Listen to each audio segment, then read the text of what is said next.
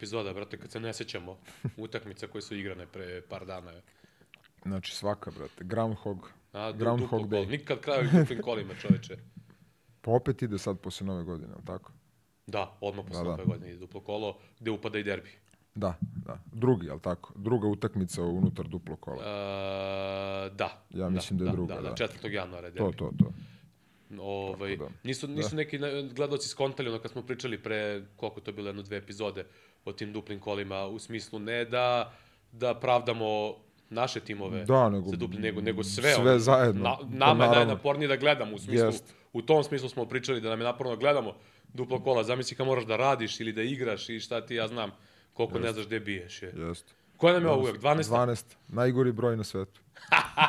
znači, najgori. Znači, vidi, to je, to je, ja mislim da e, uspešno, ali uspešno kroz celu svoju anti ovaj, karijeru, kroz mlađe kategorije, sam uspeo da ga izbegnem. Jer ono, znaš, pošto sam ovaj, bio ovaj, ogroman kad sam bio mali, ono, najveći sam bio tad, jer ono, mlađi pioniri, pioniri, Ovaj, onda prvo šta uzmu, prvo ti daju 12 kao centra, znaš. Zbog divca. Pa to je, pa kao, znaš, cent, centarski broj. Da. I onda bukvalno samo bilo koje, ono sve moguće brojeve, daj 15, daj, dobro, 10 sam volao, daj 4, daj 6, daj, samo nemoj 12. A čekaj, 12 u futbalu kad je počelo ono da se dele brojevi, kad nije više to rezervni golman, nego kad su počeli igrači da nose i onda šta tu imamo, Thierry Henry, Meni je prvi Henry, onako Meni mi pada prvi koji padne malo je smešno, ali Miladin Bečanović, koji je u Partizanu nosio broj 12. To mi je uvijek bilo interesantan taj broj, kao 12, ono fu, Jest. futbolski. Ono igrač nosi 12 su futbaler, ono.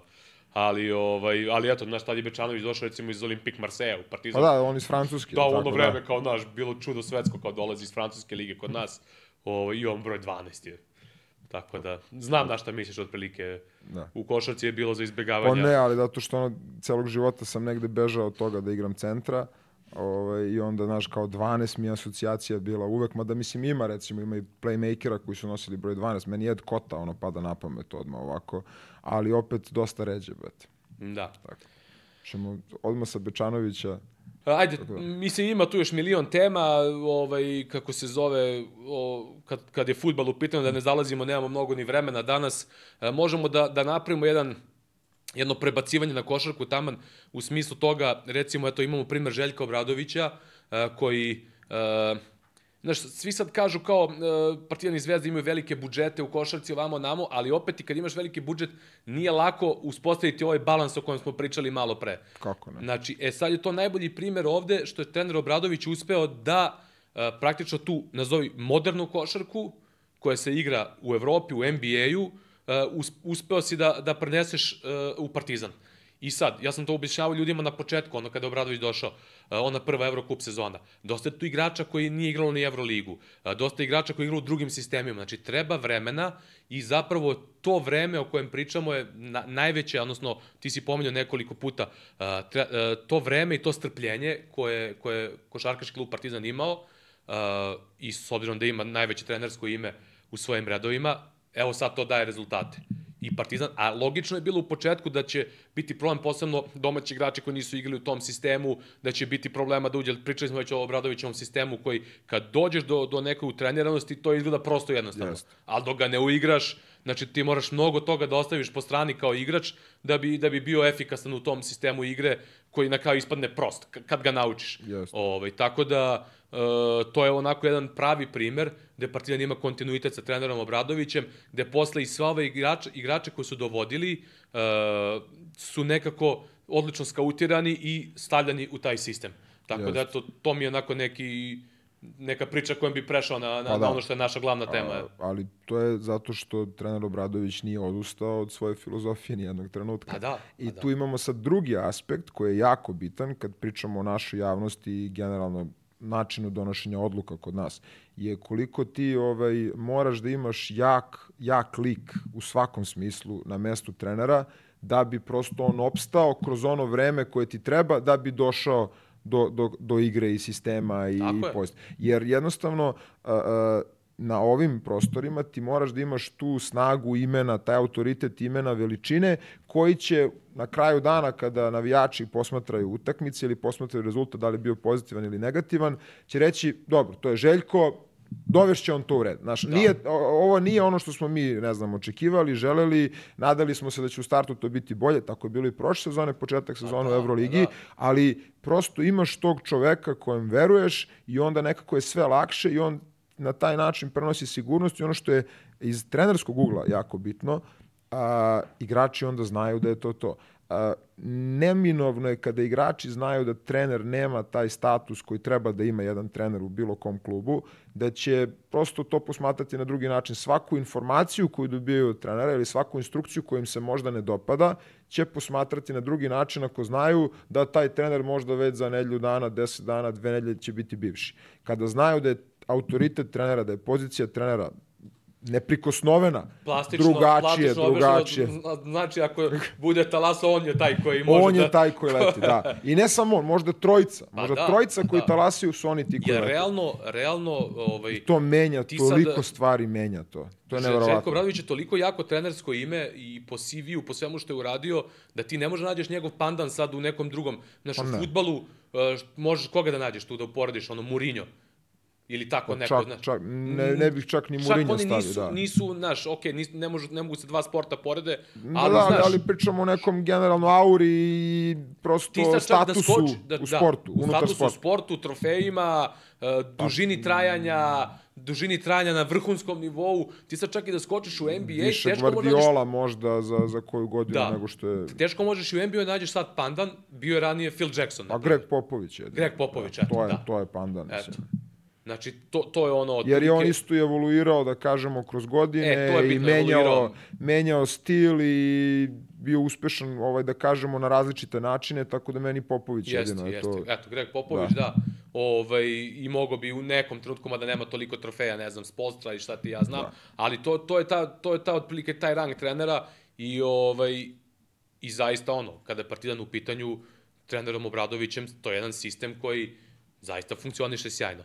Hoćemo odmah da krenemo od Partizana. Može, Uh, krećemo od, od utakmice u Valenciji, koja je za Partizan onako bila zaista bitna utakmica. Mi smo najavili da je nakon pobede u Kaunasu Partizan uh, napravio jedan veliki iskorak, a da će probati da, da protiv Valencije da možda žargonski rečeno ćapi još jednu pobedu na strani uh, protiv Valencije koja uvek igra dobro protiv Partizana i koja ove sezone već smo isticali veliko iznenađenje i koja uh, igra prilično čvrstu košarku. A mislim da je ovo bila najčvršća utakmica ove sezone, gde su onako baš jedna neverovatna energija i sinergija sa, sa, sa tribina gde je Partizan imao veliku podršku, ali navijači Valencije su bili poprilično uključeni u utakmicu i onako od starta je bila onako neka utakmica baš ono, Prava, old school. Old school. Old school evroligaška utakmica. E, Pa mislim da je snaga, snaga te utakmice, intenzitet te utakmice u velikoj meri uticao i na utakmicu u Madridu.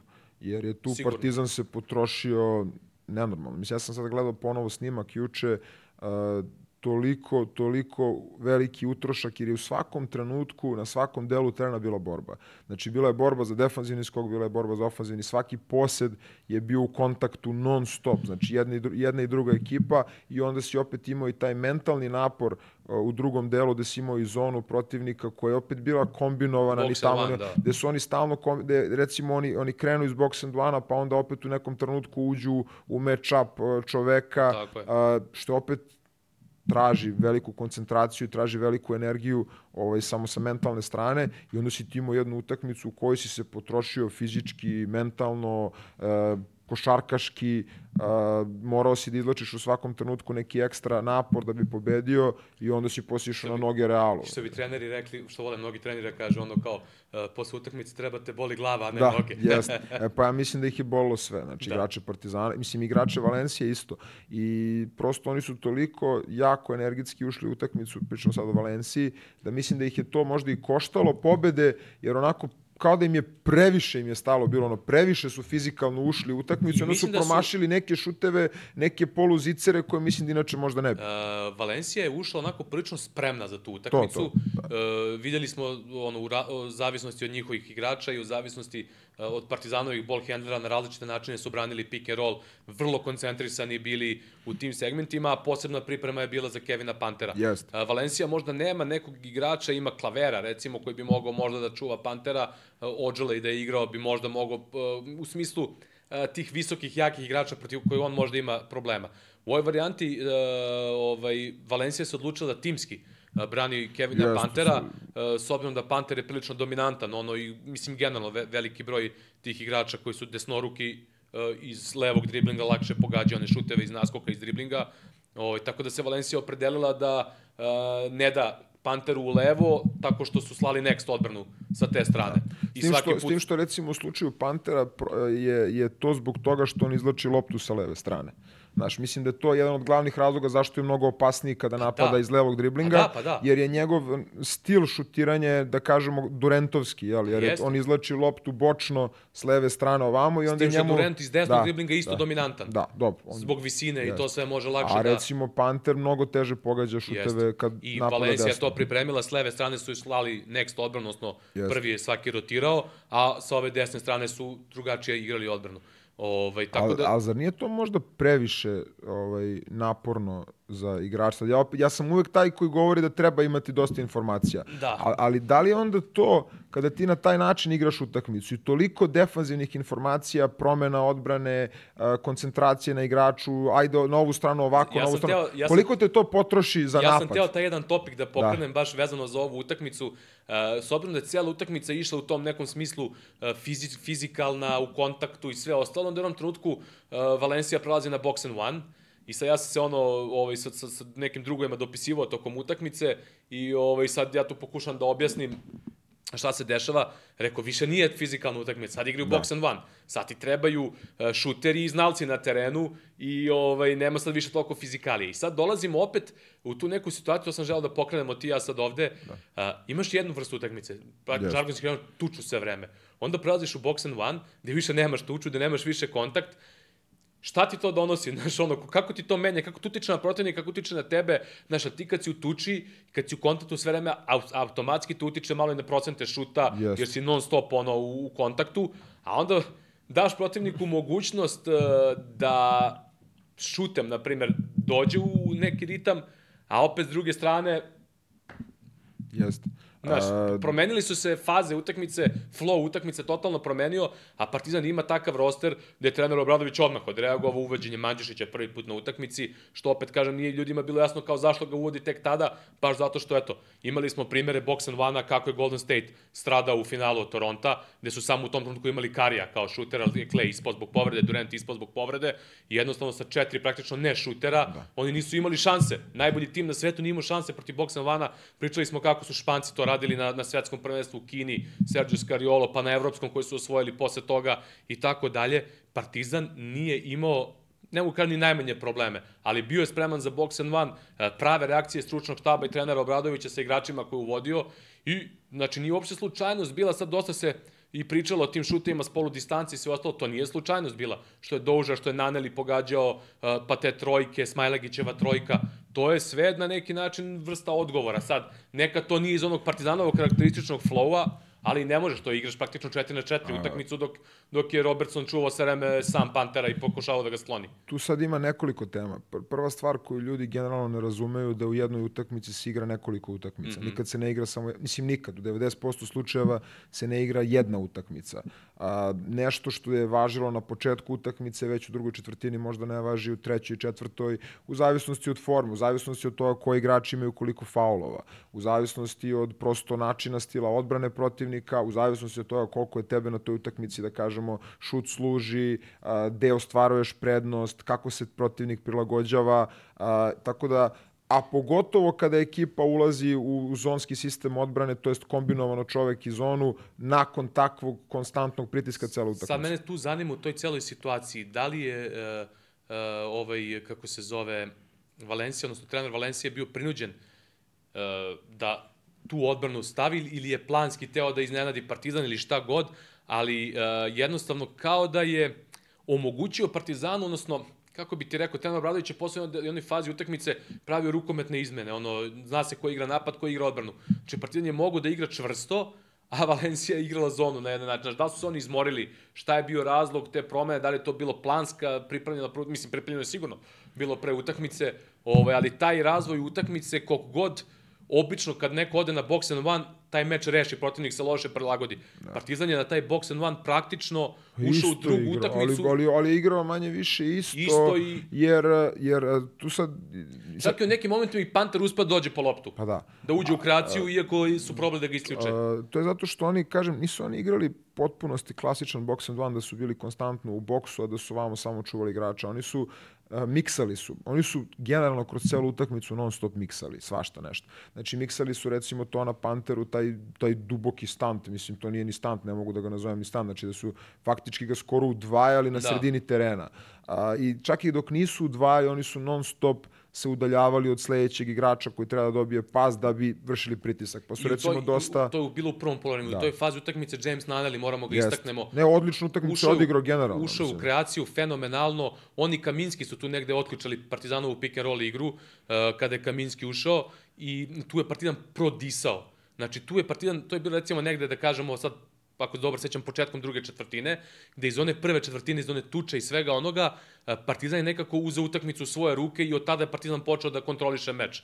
Ovaj, I tu je Naneli jedan od najzaslužnijih bio, plus na onu vrstu odbrane koja je igrala ekipa uh, ekipa Valencija Naneli često pogađa iz driblinga isto sa polu distance na neke šuteve i onako baš ka, ono odbrana ti daje neke stvari a kad ti to uzmeš te stvari koje ti daje još pogađaš odbrana mora Jest. se zapita da li im se isplati taj rizik. Jeste, za- ali pogotovo je celokupan sistem Valencijne odbrane dosta zavisi od eh, strane pomoći u reketu, znači oni su dosta duboko pomagali, non stop Mhm. su unapred, da kažemo, znači unapred su već pokrivali reket, eh, non stop su izlazili, kažem, sa tih linija, eh, čak i kada igrači krenu na prodor, oni su odlazili, to je ono što je radila Zvezda, eh, protiv Zvezde su radili isto što je Jović radio izuzetno uspešno, pogotovo na početku utakmice, znači očigledno da tu imaju neke tendencije i koncepcije, a, što je sve sasvim legitimno i njima je donelo utakmicu, da kažemo, na manji broj poena.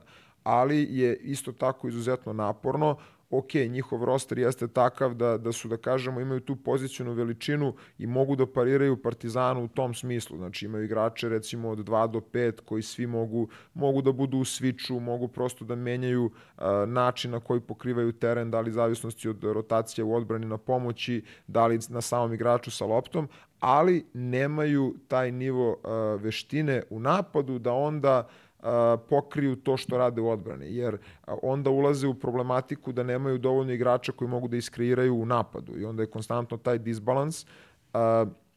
Partizan je odlično rešavao te situacije. Zašto? Zato što generalno filozofija trenera Obradovića i njegov stil treniranja i način na koji on posmatra pre svega napadačku košarku je takav da pričali smo o tome mislim u prošloj mislim, epizodi ulaze napad. da isti napadi Isti ula- iste ulaze u ulaze u napad protiv napad ima protiv jeste čoveka, protiv da. čoveka jer uh, je uh, dosta veliki deo njegove napadačke filozofije vezan za reakciju. Znači, za reakciju da se čeka, uh, prosto i na ovoj predavanju koje je držao na klinici je pričao pogotovo recimo u napadu na postu da igrač treba da sačeka reakciju odbrane, to jest akciju odbrane i da napravi reakciju jer će u nekom trenutku odbranbeni igrač uvek krenuti ili po loptu ili će krenuti da ti zatvori stranu i da u zavisnosti na to reaguješ. Kada ti na taj način obučavaš svoje igrače i svoju ekipu, ti ćeš uvek tražiti ono što je prazno i onda kada ekipa igra, da li ekipa igra iskakanje, da li igra drop, da li igra zonu, da li igra miksovanu zonu i čoveka, uopšte postaje potpuno nebitno, Nebitno, pa da. jer igrači čitaju teren i prostor i odnosu na to reaguju. I zato je ono što malo pre pričao i što smo pričali nekoliko puta, zato je teško da uđeš u taj sistem, a kada uđeš onda je Jest. lako posle Jest. sve. Pa- Jer tebi treba, ti sad bi u nekoj situaciji pripalio trojku, ali u ovom sistemu ti ne treba da pripališ tu trojku, nego imaš opcije šta se dešava ako odbran uradi ovo, ovo, ovo, ovo, ti treba da uradiš taj potez, a ne da pripališ trojku, Pa nego će ti to- doći ta trojka da je šutneš posle 17 sekundi, lupam. Jest. Zato I, što- I zato igrači trebaju sebe da svedu na taj nivo, da tako kažem, da čekaju, da budu strpljivi, da čitaju, da vide reakcije, da vide akcije i reakcije i da onda nakon toga eh, i kad se sve to utrenira, to izgleda onda savršeno Pa i to za- izgleda prosto, deluje kao da bismo svi to mogli da radimo. Da, zato a, što a je ne to, možemo baš. Pa zato što je to kombinacija mehanizama, automatizama, zajedno povezanih sa instinktom i sa čitanjem. Tako je. I sad sve te tri stvari zajedno onako deluju malo kontradiktorno, ali zato što je generalno sport, nebitno u kom sportu pričamo, pogotovo o košarci, to i jeste kontradiktorno da ja tebi kažem sad kao igraču, ovde moraš u ovom, ovoj situaciji da odreaguješ ovde mehanički, jel, iz automatizma koji vežbamo, a onda ovde sad pročitaj, a onda uradi instinktivno u brzini i sad ti sve to da zajedno povežeš u jednu celinu ti treba mnogo vremena da bi to izgledalo prirodno. A u današnjoj košarci se igrači svuda muče sa time, isto kao što su se mučili kada je, ne znam, pokušavao Phil Jackson da uvede triangle ponovo ovaj, sa Nixima, jer je to za njih bilo sad kao do ovde je ne znam akcija, do ovde je sve onako koncipirano po šablonu, odatle ti čitaš, ako ovo, ovaj ovo, ako ono, e kad kreneš u taj Hoće if, da... if then, kad kreneš u to da- programiranje, da, to je... Hoće da pomenem onaj detalj što je Godala pričao za, mož, za napad mož. u troglu, odnosno za Jordana i za Phila Jacksona, e, što je on tražio da oni lo, e, logo Chicago Bullsa Jest. stoji u visini penala, odnosno u nastavku onog elbowa jer iz tog, sa te pozicije Jordan najbolje napada i to su stavili planski, te logo je tu da bude kao orijentir odakle da se pravi napad u trouglu. Yes. Znaš. Pa eto, to je ta posvećenost detaljima. A onda imaš ovog Rona Artesta koji ide kod psihijatra zbog, zbog napada u trouglu, da. što i sam pričao, kao mora sam kod psihijatra, kao da, da ono, frustrirao me napad u trouglu. Pa jest, a, a u principu je A onda imaš Rodmana koji da. kaže, Me je to laganica sad. Pa da, zato što je, zato što je, uh, kad kreneš sa takvim sistemima da pričaš, kao recimo evo ovo što pričamo o sistemu trenera Obradovića, uh, ja sam siguran da postoji mnogo igrača koje samo ubaciš i prosto oni koji imaju taj nivo košarkaške inteligencije i pismenosti da košarku posmatra na taj način, to, to je sve apsolutno logično. Znači ti nemaš ni jedan uh, nelogičan nastavak ni iščega. Znači da. kao ono što smo gledali smo zajedno, ovaj to gledali predavanje. smo predavanje. I sad mi već vidimo sve, sad, da, znajući na stoki godine sve, gledamo. Jest, I to je sve logično. logično. I onda je prosto igračima na terenu ovaj, koji su izgledali, stvarno su radili fenomenalnu kliniku, uh, prosto i njima bilo da kažemo lako, iako je bilo izuzetno ja, teško. Ja sam bio frapiran nivom... Uh, jer je sve logično. Sve, ali uh, obično, naš, jest, uh, jest. to su igrači sa nekih nižih nivoa da. i imaju problem da, da, da, da se ono nekada se ne da, da, da se pohvate posebno da. što ceo dan ceo dan rade tu ovaj kao demonstratori na neki način I onda u jednom trenutku baš smo ti, smo ti ja komentarisali jeste, to jeste. u fazonu kao video i momci, kao ono svaka im čast. I u jednom trenutku ih i Željko Bradović pohvalio kao, jeste. jer stvarno je bilo nekako sve fluidno, jeste. uspeli su da se snađu, znaš, a što ti kažeš sve je logično. Ono, ne? Pa da, zato što to je prosto način na koji te trener Obradović uvodi u sve to je, imamo prvi završetak koji je najprostiji, sad svaki se dalje kači na sledeći, kad bi ti se sad izvukao iz kadra, jel, kad bi po, posmatrao to iz, iz neke daljine, to je užasno komplikovano, ali način na koji prosto dođemo do toga je svaki nastavak je logičan na onaj prethodni nastavak. I onda kad ti na taj način uigravaš ekipu i tako treniraš, to mora da ti se vrati, pogotovo kada si tako birao i igrače, da prosto dođeš u situaciju, sad ima ono, skoro sam gledao, ovaj, uh, inače jedna od mojih omljenih serija Sopranovi, sad neko okupljanje ovaj, koje je bilo i se kažu uh, 90% režije je casting. Znaš, je tako i ovde. 90% toga je da si ti u startu uh, na castingu igrače, doveo glumce, igrače, igrače koji, koji su sposobni to da... to da igraju, da razumeju, koji su sposobni da budu konstantno opasni iz svih situacija i onda je mnogo lakše da taj sistem implementiraš. Jer recimo ti da, ovo što si pomenuo recimo za Golden State, vezano za to da nemaš igrača na terenu koji mogu da šutnu i džabe su oni inteligentni, kada se oni nađu u toj poziciji koju si timski iskreirao, oni pogode jednu od pet, i automatski sve propada. Potpuno nevažno što ti imaš protok lopte, što sve kako treba. Imao si onu trojku, recimo, Smajlagića, jako bitnu protiv jako Valencije. Bit. Pa si imao trojke Nanelija. Pa, pa si imao Zeka Ledeja u trećoj pa četvrtini koji je odigrao je. fenomenalno tu treću deonicu. A sad recimo sve te, sve te situacije ti uračunaj promašaj, umesto što je pogođeno. Pa da. I onda, I onda ceo taj protok i celo verovanje u sistem i u protok pada.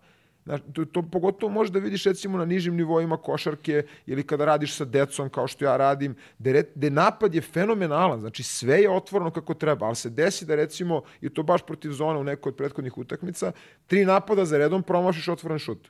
I automatski ekipa pada. Pa da. Bez obzira što si, sad, ne možeš ti sad njima da objasniš, i po, pogotovo što su deca, a i kod seniora isto, da je sve bilo fenomenalno. Jednostavno nismo pogodili. Jer kad se ne pogodi, a protivnik recimo desi da baš tad uđe u seriju i tebi energija pada, pada ti prosto verovanje u taj sistem. Jeste, jeste. To je, ono... I to je najveća snaga Partizana u sve one kojima pominjemo u, svakom, ovaj, u svakoj epizodi. I veoma bitna stavka sa te utakmice protiv Valencije, Partizanov odgovor na tu fizičku yes. igru Valencije, jer je Partizan od samog starta ušao yes. čvrsto i onako to je meni možda čak i najpozitivniji utisak sa cele utakmice, jer kažem, ovo sve na box and one i to, to su neke stvari koje negde i očekujem. Ovo, da. Jer znam, zna, ono što ti kažeš, znam da je to trener Obradović, njegov stručni štab da su to sve pripremili, da imate taj profil igrača, da vidiš koje poteze vuku i zato se trudimo stalno u, u ovom podcastu da, da objasnimo te neke poteze i logiku zašto je određeni igrači u određenoj fazi utakmice ulaze, šta time pokušavaju da se pokušava Partizan da dobije i tako dalje i tako dalje. Ovaj, uh, Šta, šta još sa ove utakmice možemo interesantno da spomenemo? Bilo je dosta nekih detalja, baš, baš dosta. E, znaš šta mi je interesantno bilo? Uh, iako je trener Obradović posle utakmice rekao da je bilo dosta grešaka i sve, njegova reakcija mi je bila interesantna. Izgrlio je sve igrače Partizana, ovaj, posle meča onako pričao entuzijastično, što meni govori jednu stvar, da su bili, da su se spremali za sve to i da je on na kraju dana ipak zadovoljan time kako je ekipa odgovorila na sve izazove te utakmice. Pa ja mislim da ima i tekako razloga da bude zadovoljan. Znaš, iako on istako da je bilo grešaka i bilo je grešaka, naravno i sve i u određenim fazama meča, ali taj finalni utisak na kraju vidi se da je cela bitka. ekipa bila posvećena, da su se pripremili, znaš, kod da su učili za ispit i kao položili su ispit, znaš, i svi su srećni posle. Zato što je bila bitka, zato što tako utakmica je, je baš, baš bila bitka i on je i trener je čak to i pomenuo nakon utakmice kao vidite znamo mi da igramo i odbranu. Da. A a pre svega zato što nekako se e, postavilo kao konvencionalno mišljenje da Partizan igra dobro kad igra lepršavo.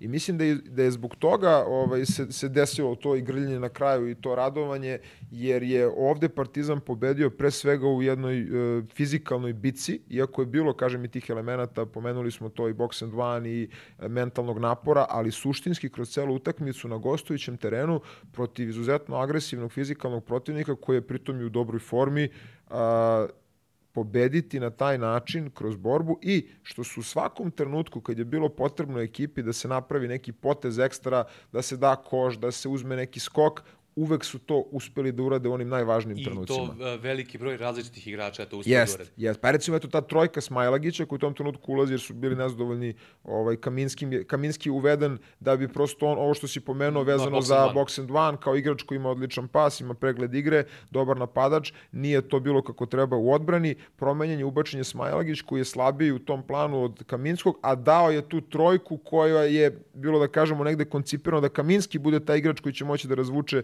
da pogodi i da ovaj razbije zonu, uradio je to Smajlagić. I onda kad imaš tu situaciju si od njega dobio, vamo si dobio od Nanelija, pogodio i Panter, onu jako bitnu trojku pred mm -hmm. kraj utakmice, uspeo da se izvuče iz tog pritiska i ovaj celog načina odbrane koji je bio na njemu kroz celu utakmicu i to je to. Imaš Ledeja koji je, nije imao taj, da kažemo, usage veliki u ovoj utakmici u napadu, ali je konstantno kroz celu utakmicu u važnim trenucima za Partizan nalazio, nalazio. nalazio načine da, da pogodi trojku, pa onda jedan prodor, on je jako važan. Znači, generalno ti je doneo, svako od igrača ti je doneo kad ti je trebalo to što ti je trebalo. Čak, čak i taj ulazak Andjušića koji je bio odgovor na box and one, uh, znaš ono, uh, sama njegova pretnja u šutu, pa onda ono utrčavanje yes. kad dobio pas. Opet je Ponitka imao, ono što Ponitka smo pomenjali. Ponitka imao fenomenalnih yes. poteza. Isto. Imao i protiv, Partizana, a protiv Reala samo sa 45 stepeni, mm -hmm. a ono što smo pominjali ranije, ono uz, ovaj, uz čelnu liniju ima fenomenalno A ono jedno protiv Reala utrčavanje, ono nije bilo, ono nije bilo deo sistema, nego da, ono bio čisti da, instinkt. Da, da. Protiv Reala kad je po sredini utrč, to je da, da. čisti da. instinkt bio. Zato i kažem, znači nije prosto slučajno, jeli, to je neko znanje. Naravno, pa naravno. Da, da znaš gde da utrčiš, kada utrčiš i opet imaš i tu veštinu i taj e, tu fizikalnost da izdržiš kontakt ako do kontakta dođe. Da, i, i, ovaj, i takođe ponitka na, na Chrisu Jonesu, sasvim dobra odbrana na lopti. Jeste, jeste. Znaš, onako dobar posao odradio u tom segmentu igre. Uh, naneli, ne znam, evo, drug mi je dao onako zanimljivu, odnosno zanimljiv topik koji bi mogli u nekoj narednih epizoda, možda nije za, zahvalan za ovu fazu sezone, ali kad se uzme nešto, ono neki minuli rad, što se kaže, zaista se etablirao kao jedan od najvećih klačara ovaj, pa možemo slavno da pričamo sada već i u, negde u istoriji Evrolige. Znaš, ali sigurno među ovim aktivnim igračima, ne znam koliko ima igrača koji su postigli važniji koševa, ne samo ovaj, u ovom periodu u Partizanu, nego, nego i ranije. Jeste. Znaš, pa, baš... prosto, mislim, tako ga i navijači doživljavaju sa, sa razlogom i on je taj, a, pričali smo dosta o važnosti Pantera kao igrača koji drži prosto ceo napad i u onim trenucima kad je važno privlači na sebe pažnju, može da kreira iz driblinga, a taj drugi najvažniji igrač u celoj priči koji pogotovo kada se zatvore sve ove primarne opcije daje taj finish, to je svakako Naneli. I Sad vidjet ćemo, naravno, ima još uvek on dosta da igra do kraja karijere, pa ćemo da vidimo, treba mu opet i neka velika pobeda za trofej, da bismo mogli da, da kažemo da je klač. Da. Jer ovaj, što se mene tiče, nekako ipak kad pričamo o tom nivou baš u istoriji, To Da, je, da, znači, da, Dejan, tu idu- tu Dejan idu ovi Bodiroga, je, da, da, naravno. prosto to je taj nivo, Iako, da, jer, jer e, prosto eto tako, ali, ali se slažem da je... pričamo u samim utakmicama, Da. znači ne pričamo o, Da. generalno o, ne znam, utakmicama za ev, Evrofinale, Evroligi Jest. i tako to. Ali je generalno utakmice. važan igrač u tim trenucima i kod njega ne da performanse ne padaju nego rastu i pretpostavljam da, je na, da se na to misli da ovaj kada je važno nekako kao da dobije još jednu ekstra brzinu, Tako je, još jednu tako je. ekstra snagu i, Upravo i to. to je činjenica. Upravo I, to, I to je upravo to. definitivno činjenica. Znaš, A, možda se osloniš na njega u Jest. svakoj vrsti utakmice, neizvesnoj utakmice, Jest. da će pogoditi, bilo u trećoj četvrtini, bilo kad se na kraju lomi. ali opet je to negde i zasluga trenera Obradovića koji je uspeo u potpunosti. Da da ga ga, pravu ulogu. uklopi jer je on onako malo specifična Jest, glava jest. i pogotovo je imao taj ovaj tu reputaciju pre Partizana, ali je ovde u Partizanu prosto je stavljen u pravu ulogu, smešten u sistem gde on i kad iskače, iskače uglavnom pozitivno, redko kada negativno. Jeste. I, I taj kvalitet koji ima Partizan, recimo petorka s koje su krenuli drugo polovreme, ovaj, tu je toliko mogućnosti i za switch, i za ovaj kvalitetan napad, e, izuzetna, izuzetna pozicijona veličina o kojoj stalno pričamo u svakoj epizodi i mogućnost da se odgovori fizički, koje sad opet kroz ovu utakmicu, verujem da je zbog toga trener Obradović zadovoljan što je dokazano, ti sad možeš u teoriji da znaš, ali dok se, dok se ne dokaže to nije ništa, ovaj, da mogu i da igraju fizikalne utakmice i da odgovore na kontakt protivnika i onda na taj način e, tebi treba prosto da bi došao u opštu situaciju kasnije da igraš play-off i u play-offu ti treba ta vrsta versatilnosti da osim svog kvaliteta koji znaš da imaš u napadu, da imaš i taj moment da ćeš dobiti ružnu utakmicu na mali broj poena sa dosta tuče, sa dosta kontakta. Da. Uh, nakon te utakmice je došao Real, uh, utakmica koja na kraju nije imala nikakve konotacije, da. ovaj, što mi je onako posebno drago da se videlo ovaj, u odnosu ono, i igrača na terenu, i trenera, i generalno celokupnog tamo, kako bi ti rekao, uh, dočeka ekipe Partizana koji je trenirao u, u Realovom uh, trening kampu, uh, utakmica veterana i tako dalje i tako dalje. Znači, totalno kao da ništa se ono nije desilo prošle godine, što opet negde govori o veličini jednih i drugih, ove, što se brzo zaboravilo sve to ružno od prošle sezone i odmah se vratila situacija na, na, na, na onaj čisto sportski sportskih deo, gde smo mogli da vidimo da je Real vrlo našpanovan takođe za tu utakmicu, Jeste. što znači da je Partizan uspeo da izazove na neki način taj respekt kod najvećih evropskih klubova Slažem da se. utakmici s Partizanom pristupaju onako Pogotovo što su bili u vrhunskoj formi, ali ne samo zbog toga. Da. E, tako da onako Real baš našpanovan za tu utakmicu. E, Partizan je počeo sa nižom postavom, odnosno nije počeo sa Smajlegićem na 3, počeo Andjušić u petorci. Možemo da pretpostavimo da to možda zato što je Real igra sa tri beka praktično u spoljnoj liniji i jednostavno možda Smajlegić ne bi mogao da parira defanzivno, a možda i nije to razlog, ne znam, kažem, bavimo se samo nekom pretpostavkom. E, tako da to bila ovako jedna razlika i e, sa tom dobrom Realovom energijom Partizan je imao dosta problema sa izgubljenim loptama na početku, mislim u toj prvoj fazi utakmice dozvolio Realu veliki broj lakih poena u kontrama, Musi pre svega i ovaj mislim da je to možda jedan od ključnih detalja na toj utakmici bio da je Real previše brzo i na previše pod znacima navoda lak način došao do neke prednosti, gde su onda počeli da trče, ušli su u svoj ritam pogađanja onih trojke u tranziciji i sve ostalo, gde Partizan nakon ovog iscrpljujućeg meča protiv Valencije jednostavno više nije mogao da, da odgovori. Znaš kako meni Real, evo recimo ove dve utakmice protiv Zvezde i Partizana, znaš kako mi izgledaju? Kao, uh, kao recimo uh, miks Zvezde i Partizana na steroidima, brate. Da, da objasnim u kom smislu. Znači, imaju određene kvalitete koje ima Partizan, znači pozicijonu veličinu, mogućnost svih igrača na terenu da kreiraju bekove i krila koji mogu u potpunosti da menjaju svoje pozicije i uloge, a imaju i ove point gadove kao što je recimo Campazzo, kao što je Rodriguez. Rodriguez, da. Znaš, I onda recimo mogu konstantno da kombinuju, znači taj sistem Partizana koji je decentralizovan, ok, kada je Panter tu je delimično centralizovan, ali opet videli smo i sad i protiv Valencije kada je on odsečen kao onom box and one da prosto svi ostali igrači mogu da kreiraju. Ali kad je Panter tu. Da, ali kad je imaju Panter tu, pored. jer ga opet da, Da. jer on, on im daje tu sigurnost.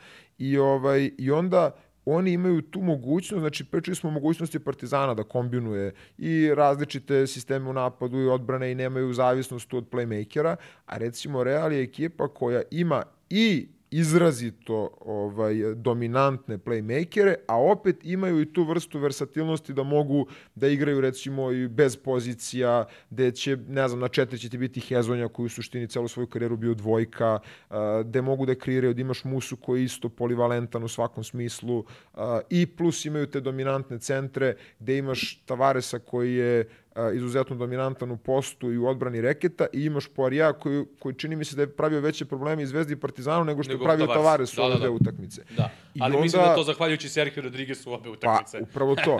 I onda imaš jednom trenutku... Bio sa njim zajedno na terenu, da kažem, pa, u većem periodu. Ali imaš ti u trenutku tom na terenu zajedno Rodrigueza, Ljulja i, i Rudija, koji je, ono, pričali smo o tome već, znači to je neki luksus koji ne znam koliko ekipa ima kroz istoriju. Znači, ne, o, trenutno nema niko u Euroligi. S tim što je moj utisak bio na oba meča Reala i protiv Partizana i Zvezde, da su oba meča mogli da pokažu da Real ima dosta slabosti.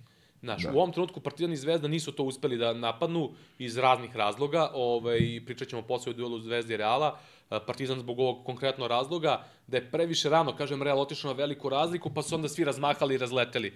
Da je neka playoff utakmica, nisam siguran da bi možda to tako išlo tim tokom, pa bi onda možda malo i drugačije to sve izgledalo, ali kažem, o tom potom. Čak sam mišljenja možda da je ovaj i ovakav poraz Partizana od Reala u pravom trenutku došao po Partizan ne kao klasično otrežnjenje, ne mislim u tom smislu, nego jednostavno da, da pokaže Partizanu šta još treba, gde još treba da naprede, u kojim segmentima igre. I onako, možda u pravom trenutku, jer sad slede neke utakmice koje su za Partizan mnogo bitne a, u kreiranju, da kažemo, nekog daljeg toka sezone. Jeste. Mečevi sa Virtusom, sa Asvelom, sa Crvenom zvezdom i tako dalje. Ja sam opet siguran da nije bilo duplo kolo, i da pre toga, pre da, dva dana pre toga nisu igrali takvu utakmicu kako su igrali protiv da. Valencije, da bi utakmica bila znatno drugačija.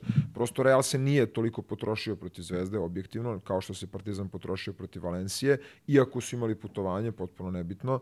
Uh, I onda mi je, zbog toga mi je i ta žal o kojoj smo pričali ranije vezano za ta dupla kola, gde, je, gde neminovno dolazi do i pražnjenja i umora koji utiče na kvalitet same utakmice. A, u, ovom, u ovoj situaciji mislim da je to bio veliki faktor. Tako da, a činjenica da naravno nisu na tom nivou još uvek ovaj, igrači Partizana da mogu da se trenutno sa tom formom opet su prostave Realu koji je i kvalitet iznad svih trenutno u Euroligi i plus u vrhunskoj formi. Znaš šta je meni ovaj, za Real najveći nekako, uh, odnosno prošle sezonu, najveća razlika? Kampaco, ali ne Kampaco igrački u tom smislu, naravno i igrački, da neko ne shvati pogrešno, nego ta njegova energija koju donosi na teren, uh, sa svi oni, znam da ljudi ono, uh, i ono što smo pričali prošli put za te neke igrače, nisu, nisu svi shvatili ono što smo te da kažemo, iako smo naglašavali šta mislimo, uh, kada je Kampaco odlazio iz Reala, ja sam u jednom prenosu rekao da Real ima Laprovitolu u tom trenutku i da uopšte te neke stvari neće biti problem za Real da nadomesti Laprovitola igrački, sve čak u nekim stvarima napadački, glavno Laprovitola je bolji šuter i šta ti ja znam. Međutim, ta energija koju Kampaco donosi, energija koja pokreće celu halu i pokreće saigrač na terenu. Znači, on njegov kad ti uđe u kontakt, kad se izžilita, kad se baci, kad ovo, kad ono, ima ljudi koji to ne vole, ali ja kažem to uvek negde cenim kad ekipa ima te igrače koji su spremni to da daju za ekipu za pobedu. Uh, Kampaco to u ovoj konstelaciji stalno radi i stalno je ekipa onako nekako u nekoj da. toj vrsti nazovi tenzije pozitivne ovaj, i publika ono spremna da odreaguje i sve ostalo, što možda Real prošle godine nije imao. Bili su malo ravnija linija, da tako kažem, da je bio, ne znam, Williams Goss i šta ti ja znam ko od ovih ostalih igrača, da je Kampaco doneo tu jednu vrstu inicijalne kapisle koje posle upali i Musu Katalizator. i, i da, i Musu i Hezonju i ovog i onog i nekako svi drugačije deluju na terenu sa tom nekom vrstom njegove energije koju on donosi na, na teren. Da. Jest a opet ima pored sebe i sve ove ostale igrače koji će da pokriju kada on uđe u... Te ne mora on da bude šuter, da ne mora... crveno, pa da. Pa da, ono smo već i pričali u najavi sezone, da se ne ponavljamo. Znaš šta bih još teo da istaknem, ovaj, pored Musine sjajne napadačke partije, igrao je sjajnu defanzivnu utakmicu, ovaj, gde fenomenalno čuva i PJ Dožera i, i Nanelija. Znaš, da. tako da Musa je baš odradio veliki posao na tom meču na oba kraja parketa. Jeste. Pa, mislim, generalno, kažem, vezano za Real i ono što sam vidio i protiv Zvezde i protiv Partizana, trenutno su oni u previše dobrom ritmu, previše samopouzdanja, imaju jako je teško igrati protiv ekipe koja je izuzetno kvalitetna pojedinačno i imaju timski duh razvijen, imaju svoj identitet i još su u dobroj formi Jeste. i samopouzdanju i pogotovo se to videlo protiv Zvezde, gde je Zvezda otvorila, ne može bolje da se otvori protiv Reala. Ja ni jednog trenutka nisam video Da ne paniku, nego nisam video da su se preznojili. Da, da, da, da. Jer oni su, oni su uzimali šuteve koji nisu ulazili. I prosto ti vidiš po njihovoj energiji, njihovim licima i načinu igre, oni ništa ne menjaju, samo ti šutevi počnu da ulaze i onda kad krenu da ulaze, pada protivnik i oni samo dižu brzina jače, brzina jače, brzina jače i ti se nisi ni okrenuo, već je 15 razlike. E, mislim da je to prosto kvalitet koji u ovom trenutku imaju, gde kasnije, slažem se kad bude došlo vreme za play-off, gde će i oni biti dotad već potrošeni, da se uđe u neki ritam ovakav, onakav, koji može da donese ovaj e, neizvesnije utakmice, ali trenutno su oni stvarno nivo iznad svih u Euroligi. Ne, ne Zvezdi Partizana, nego svih. Svi. Jedan detalj takođe, e, pošto stalno pričamo o deflections situacijama, pa pokušamo da objasnimo ljudima i u prednosima ja godinama i ovde u podcastu šta su deflections. Najbolji primer uticaja deflectiona na igru, što je Rick Pitino uveo svoje vremeno i što smo pričali da traži od svojih ekipa 30 deflectiona po svakoj utakmici, kako deflection utiče na protivničku igru, odnosno to nije krađa lopte, to je samo presečen protok napada, bilo da je lopta izašla out, bilo da nije punom brzinom došla do, do, do igrača kome je upućena lopta. Najbolji primer za deflection i njegov uticaj je bila utakmica među Partizana i Reala, gde je Real odradio neverovatan posao. Bukvalno nisam imao vremena, ali dođe mi da vratim snimak i da brojim koliko su imali deflectiona. Na svakom pick and rollu i na brojnim onim pick and popovima gde je Partizan pokušavao ta, Tavaresa da napada, pa i po Arijeja, je bilo gomila deflectiona. Znači, krene pas nazad, neko zakači loptu i onda umesto da stigne brzo do da. Smajlagića, ona je ne odskakutala, pošto je išla, ono, da kažemo, vazdušnom linijom, ali je ono, dobila ovu putanju, pa je sporije došla do Smajlagića, za to vreme odbrana stigla da pokrije taj šut. Znači, gomila tih situacija je bila da Partizan nije uspeo iz tih situacija se napati. Jeste Kaboklo pogađao na neke šuteve, ali jednostavno tim deflectionima Real je poremetio Partizanov Potpuno u protok. kontroli su bili ljudi, Da. mislim. Ali to je zato što imaju i veličinu i inteligenciju košarkašku. Mm -hmm. i, znaš, Ali eto, pre svega da, da deflection kao kategoriju Da, da. objasnimo zašto je bitan i Kako zašto, nije, bi, pa naravno da je bitno. za, zašto, ga, zašto je Rick Pitino uveo to da se vodi kao statistički parametar i zašto traži od svoje ekipe određen broj tih situacija na, na mečevima. Jeste. Da. Ovaj, možemo da skočimo tamo na kratko na Zvezda Real, pa Ajde. onda na Makabi. Možemo da. da pređemo na zvezu, samo da, da još jednu stvar dotaknemo, uh, s obzirom da, da je krenula posle trenerske vrteške, ide sad ovaj period prelaznog roka, Zvezda da. je već dovela jedno pojačanje, pominju se još neka pojačanja, uh, pominje se za Partizan Jalen Smith, uh, ne znamo da li je istina, ajde kažem, ono, prošli put smo pričali da. za Jogija Ferala, za Kabokla smo bili u pravu, za Ferala se desilo šta se desilo, vidjet ćemo kakva će ovde biti situacija za Jelena Smitha, ali generalno moj utisak je bio da čim se pojavila informacija da će Jalen Smith biti slobodan, mislio sam da je to idealan fit za ekipu Partizana i da sam gotovo siguran bio da će Partizan razmotriti tu opciju. Sad, da li će doći, neće doći, Pa verujem da će doći. Mislim, Pa da je neto, to- ja da, isto imam taj da. utisak, ali ajde, sad ne, kažem ti, ne volim da se bavim tim stvarima i pretpostavkama, ali generalno igrač koji ja mislim da se idealno u ovom trenutku sezone u ovakav roster Partizana idealno uklapa. Partizanu ne treba alfa, uh, Smith nije taj tip igrača, uh, pre svega je odličan defanzivac, dobro brani pick and roll, uh, ima jako telo, duge ruke za tu poziciju na kojoj igra, ima i 1,93 4 Jeste. Uh, I kao takav, ta, kao takvog Partizan dobio jednog igrača koji može da bude jak defanzivac u pick and rollu i na lopti, da oplemeni tu vrstu igre, dobar je skakač za poziciju na kojoj igra i može da preuzima. Znači, kao takav je savršen. Napadački gledano, ima solidan pregled igre, može da pogodi ako u dobrom ritmu, neće biti taj koji će prvi da, da uzima šuteve, a opet jedan je od onih gde može da igra sa tri ball handlera, trener Obradović. Tako da, iz tog nekog ugla gledano, mislim da je idealan fit za ekipu Partizana. Jest. Pa on, Ako dođe, da, on nije klasično klasično ono playmaker pojačanje, nego je više opet uh, multipoziciono pojačanje za Partizan koji će pretežno jel, igrati na poziciji playmakera, ali apsolutno može da se uklopi u bilo šta što se traži od njega na terenu. A, slažem se i dodaje definitivno kvalitet više, pogotovo u odbrani. Pogotovo u odbrani, najviše u odbrani, najviše odbrane pick and rollu. Tu mu je čak i u ovom ograničenom uzorku koji igra u Virtusu izuzetna ovaj, statistika, je recimo je u, u top 10 posto igrača u Euroligi po odbrani igrača na pick and rollu pick koji završavaju, jer upravo to, iako je recimo Virtus igrao a, uglavnom su igrali drop gde, gde koriste dužinu Smita da, da, da sa leđa pravi vrši pritisak na igrača koji je sa loptom, što on radi fenomenalno, baš zbog tog raspona ruku o kojem si pričao i dužine koju on generalno ima.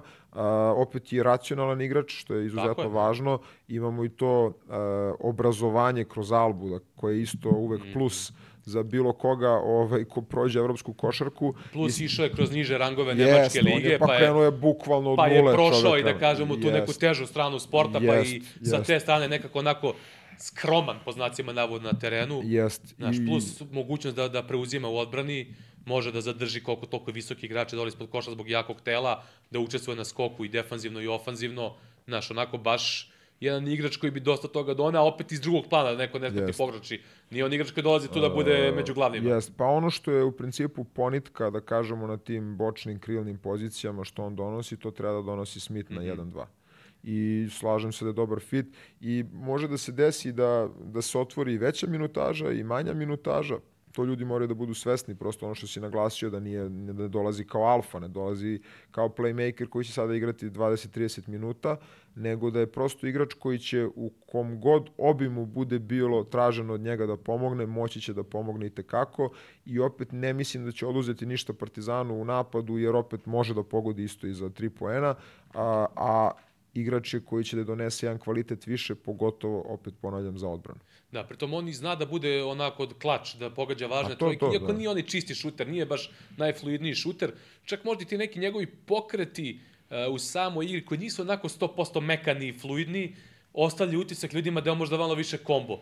Jer kao nije čist šuter, visoke, jake, pa znaš, onda Pa se da. stiče, ali ja njega, sve što sam gledao, uglavnom je igrao kao primarni ball handler, manje Jest, više. jest, Znaš, tako da ga ja ne tretiram kao komba toliko, osim što je, kažem, ima to telo i što možda ne deluje toliko mekano na terenu kao oni, oni čisti playmakeri, pa možda zbog toga ostavi utisak da je neki kombo, Sigurno. ali generalno on može da brani nekoliko pozicija na terenu. Pa da, zato i kažem, znači, mislim da će ovaj doprineti igri Partizana u mnogo segmenata kada bude bio na terenu, ne očekujem neku veliku minutažu za njega, osim ako se, ne znam, ne, ne otvori. Pa sad zavisi Da. dosta od povratka o, Jeste, Avramovića, koliko jeste. će biti potrebno vremena da se vrati, pa Ali- da uđe u ritam, pa... ali dodaje, dodaje još jedan Ozbiljnu nivo, dimenziju bi jest, dodao Partizanu. Jest, jest. Da, jest. I tako mislim da... da- se tako i dovodi, kao, kao dodatak, ne kao ono pojačanje koje će da okreće sezonu sam po sebi, nego da će opet doneti još mnogo načina za Partizan da, da kombinuje u napadu i odbrani. Da. Dobro, e, da pređemo sada na duplo kolo Da. Crvene zvezde. E, utakmica sa Realom e, je igrana, da kažemo, u nekom specifičnom trenutku. Prvo, ovaj, taj dan je bio, bila i slava Sveti Nikola i, i ovaj, i on, nek, neki taj početak utakmice, šta se sve tu izdešavalo sa Šabazom Nejperom, zaista... Pa ja mislim da je to, da, definitivno što se tiče ove nedelje, e, što se tiče vezano za zvezdu, manje treba obratiti pažnju na same utakmice e, i mnogo veću pažnju treba obratiti na te kadrovske promene, pogotovo na tu situaciju koja se kroz celu sezonu dešava sa Napierom koja je na kraju završena tako kako je završena, pomenut ćemo i to, i, ovaj, e, i naravno pričat ćemo o tome kad pričamo o Makabiju partiji Teodosića. A, mislim da je e, sve to što se dešavalo sa Napierom, ali ne mislim samo na taj dan, nego mislim od početka sezone, ovaj, e, užasno, užasno loše uticalo na zvezdu u svakom smislu. A, I da je to bio ogroman problem, baš sam ovaj, u, u nekom razgovoru sa drugarom pre početka utakmice sa Makabijem rekao da očekujem ne, ne mogu da očekujem pobedu, ali da očekujem pozitivnu igru Zvezde, najviše zbog odlaska Napiera. I Jer protiv Reala je bilo evidentno da je neko, neka čudna atmosfera. Da, upravo to, da mislim, se ali... nešto, da, znaš, ja, vid- e, Zvezda ima tu neku specifičnu energiju s kojom igra, Pa ne, ali čak To- i... čak i- nije bilo na da, ovoj ali, a pazi, ono- nije bilo uprkos vrhunskom otvaranju O vrhunskom utakmice. otvaranju, Znači, da. ne može bolje. Znači, pogotovo protiv Real Madrida. Ti ne možeš bolje da otvoriš utakmicu nego što je Zvezda otvorila i opet ni u jednom trenutku nisi imao tu vrstu energije, sinergije s tribinom, da, da, da, da osetiš da hala veruje da može se pobediti ta utakmica. Zvezda je počela sa Jagom i sa Lazićem i Hangom zajedno na spoljnim linijama i to je dalo dobre rezultate. Real se mučio sa onom petorkom sa Kampacom, Musom, ko je još beše tu, Kozer počeo Bio beše. NDI je bio. NDI je bio na Kozer, četiri. Da. I, Tavares je bio na pet. Da, Tavares na pet. I, I Real se mučio jer su Lazić i Hanga odradili odličan posao i Jago generalno. Da. napravili su veliki pritisak i sve to. Uh, međutim, u tom trenutku kada je, kada je ta petorka morala da bude promenjena, odnosno kada je sa druge strane ušao Sergio Rodriguez i kada je ušao Poirier, a, kada su izašli pre svega Lazić i Hanga, jednostavno Zvezda nije imala opet taj nivo agresivnosti i onda je Real, Real je prodisao, bukvalno krenuli su oni hand-offovi iz driblinga, razvukli su teren Da, i onda Rodriguez isto dobro, i krenuo da da. rutinira, onda baca one pasove, otvorio i vertikalni spacing, napravili su i ovaj normalan spacing i sve ostalo i Real je tu počeo da, da igra, u tom trenutku je Hezon je otišao na četiri, praktično je igrao ko bek na četvorci, on neke one kretnje blokove koje je dobio, jednostavno tu su stavili zvezdu pod veliki pritisak defanzivno sa svih strana. Ti da bi igrao protiv takve ekipe kao što je Real, da pokušaš da ih pobediš, ti moraš da imaš uh, ekipu koja je na 300% timske kohezije koja da. u tom trenutku Zvezda nema, uh, imaš tu situaciju, opet mora se vratiti na to, to, to zagrevanje, pa ne zagrevanje, pa ne ule, pa ne igranje, pa... Pa da, to, znaš, znači, to jasno je, je bilo da je uticalo. A, ali uh, i sad i desila se jedna stvar nakon utakmice koja je meni jako interesantna, način na koji je trener Sferopoulos reagovao je po prvi put od, od početka smo videli tu drugu stranu, aha, ovaj, aha. jer je konstantno je sve vreme onako, znaš, pozitivno, sve najbolje, uh, i, a ovde imam utisak uh, da prosto stvarno treba uraditi mnogo, mnogo, mnogo glupih i loših stvari da njega iznerviraš i da njega izbaciš iz takta, da reaguje na konferenciju štampu načina koje je reagovao vezano za Napiera. A, a Napier izgleda i to uspeo. Znači, ja ne pamtim, iskreno, evo ti, ti ako se setiš, da je neki igrač generalno uh, loši utisak po pitanju ponašanja, stava, identifikacije sa klubom, odnosa na terenu iskazao nego Napier u ovom periodu u Zvezdi. Znači, ja stvarno ne mogu, ne mislim samo vezano za Zvezdu, znači ne mogu da se setim prvo i sad imamo tu situaciju da je na kraju prešao u Armani, gde smo imali prekoliko je bilo, pre mesec dana tu priču da on, ne znam, ono, šalje dimne signale Milanu da hoće da se vrati, što iz ove perspektive deluje kao da je verovatno bilo istina, jel? A, to je toliko sve zajedno neprofesionalno, ružno, neozbiljno, neodgovorno, da, da, da ja nemam, nemam komentar. Znači, apsolutno svaki utisak vezano za Napiera kao igrača koji sam imao ranije i prosto i kroz Yukon koja je ekipa koju volim u koleč košarci, je, je ne, ne da je uništen, prosto ne mogu više nikad da ga gledam istim očima kao igrača, jer je toliko uh, pogrešnih i ružnih stvari uradio za ovaj period u Zvezdi, koji jedan igrač ne sme sebi da dozvoli. I žao mi je što ne postoji... Uh, prosto kad bi sad pričali vezano i za, i za način na koji želiš da edukuješ mlađe generacije, kako treba da se ponaša jedan igrač. Znači, on je tretiran u celoj ovoj situaciji onako kako ja ne podnosim što se igrači tretiraju u mlađim kategorijama koji prave gluposti i greške i onda, znaš, samo promene ekipu i nikom ništa, ne nauče ništa iz, tog, iz tih svih događaja. On je dobio na kraju ono što je hteo manje više, ostavio ekipu koju je ono ukanalio potpuno na cedilu, koje će biti bolje jer je on otišao, ali iz perspektive njegovih poteza kao igrača koji je doveden da bude lider, da tu ekipu vodi, ne znam, Final Four, da vodi u play-off, gde god da ih vodi, ne, ne postoje reči kojima bi mogu da opišem šta je on u stvari uradio, a na kraju na, na to i nagrađen, znaš, mislim, dobio ono što je hteo. I ovaj, I, i mislim da je, da je izuzetno bitan trenutak za Zvezdu njegov odlazak i da ga zamene sa mnom i sa tobom, mislim da bi pozitivan ovaj pomak napravili. Pa, vi, vidljiv je bio pozitivan pomak u meču protiv Makabe. Upravo to, upravo to. E, na toj utakmici protiv Reala, kada je došlo tih promena na terenu, kada je Čater Rodriguez razigrao sve što je razigrao, videli smo odmah brzu reakciju trenera Sveropulosa, odmah je vraćao Lazića kao primarnog defazivca na njemu, pa onda je Hangu stavljao na Rodriguesa, ovaj, ali Real je tu uspeo da se da, da uhvati svoj ritam, ono, i iako je Real dosta promašivo, iako je Real dosta grešio, Kampaco je dosta grešio, Musa je dosta grešio, Hezon je isto dosta grešio, ko je odigrao vrlo dobru utakmicu, dosta nekih lopti im je, is, ih, im je ispalo, ali Zvezdi je baš falilo to što smo pričali, odnosno taj ceo uticaj na, na utakmicu, cele te situacije pre meča, falilo Zvezdi ono da zada udarac, da testira Real u tim momentima, da vidimo kakva bi reakcija ovaj, bila ekipe Reala. Uh, trener, trener Mateo imao tu isto zanimljive detalje. On je recimo u tim momentima, kada mu je Hezon je bio na četiri, on je čuvao Tobija, verovatno zbog da. pick and popa i svih ostalih stvari i da se Tobi redko spušta dole, a Poirier je čuvao, Sim, čuvao Simonovića. Znaš, tako da to isto ovako bio interesantan odabir, jedna onako crtica trenerska sa te utakmice u fazi utakmice, kada se, ja mislim, na kraju ispostavilo i utakmica ne prelomila, ali da je Real tu utakmicu uzeo pod svoje u toj fazi utakmice, onda kasnije u trećoj četvrtini je Zvezda propustila nekoliko lepih prilika možda da istestira Real. Da ono da. spusti... A to je bio maksimum, da ih testiraju. Više od toga da. nije bilo nikakve šanse. Ali, kažem ti, generalno je prosto Real u svakom trenutku delovao u kontroli, uh, ušlo, nije ušlo, greška, prosto trenutno su baš ovaj, iznad nivoa Zvezde. Zvezda je čak probala u tom momentu je. i da kad su ušli Lazić i Hanga, da probali su i sa switch odbranom, pokušavali su da preuzimaju i sve ostalo, dakle, probao je trener Seropoulos na sve ne, načine mislim. da, da nekako nešto pokrene, da, da izmeni. Da, mi pričamo o tome od početka njegovog dolaska da on stvarno čovjek pokušava sve što može da se pokuša i s te strane mislim da ne može niko ništa da mu zameri, ali trenutno kažem i da je Zvezda na nekom maksimumu, a, ne, bi, ne bi imali šta da traže protiv Reala, a pogotovo sa svim tim dešavanjima, mislim, prosto to je utakmica koju nisu mogli da dobiju. Znači, možda su mogli, eto, možda za nijansu više da istestiraju, ali... Pa eto, meni bi interesantno bilo da je Zvezda imala tu energiju koju je imala protiv Makabija, ovaj, da. kako, bi, kako bi to izgledalo. Pa jest, ali ta energija koliko... protiv Makabija je bila vezana 99% za neverovatnu utakmicu Teodosića. A znaš šta je meni još interesantno?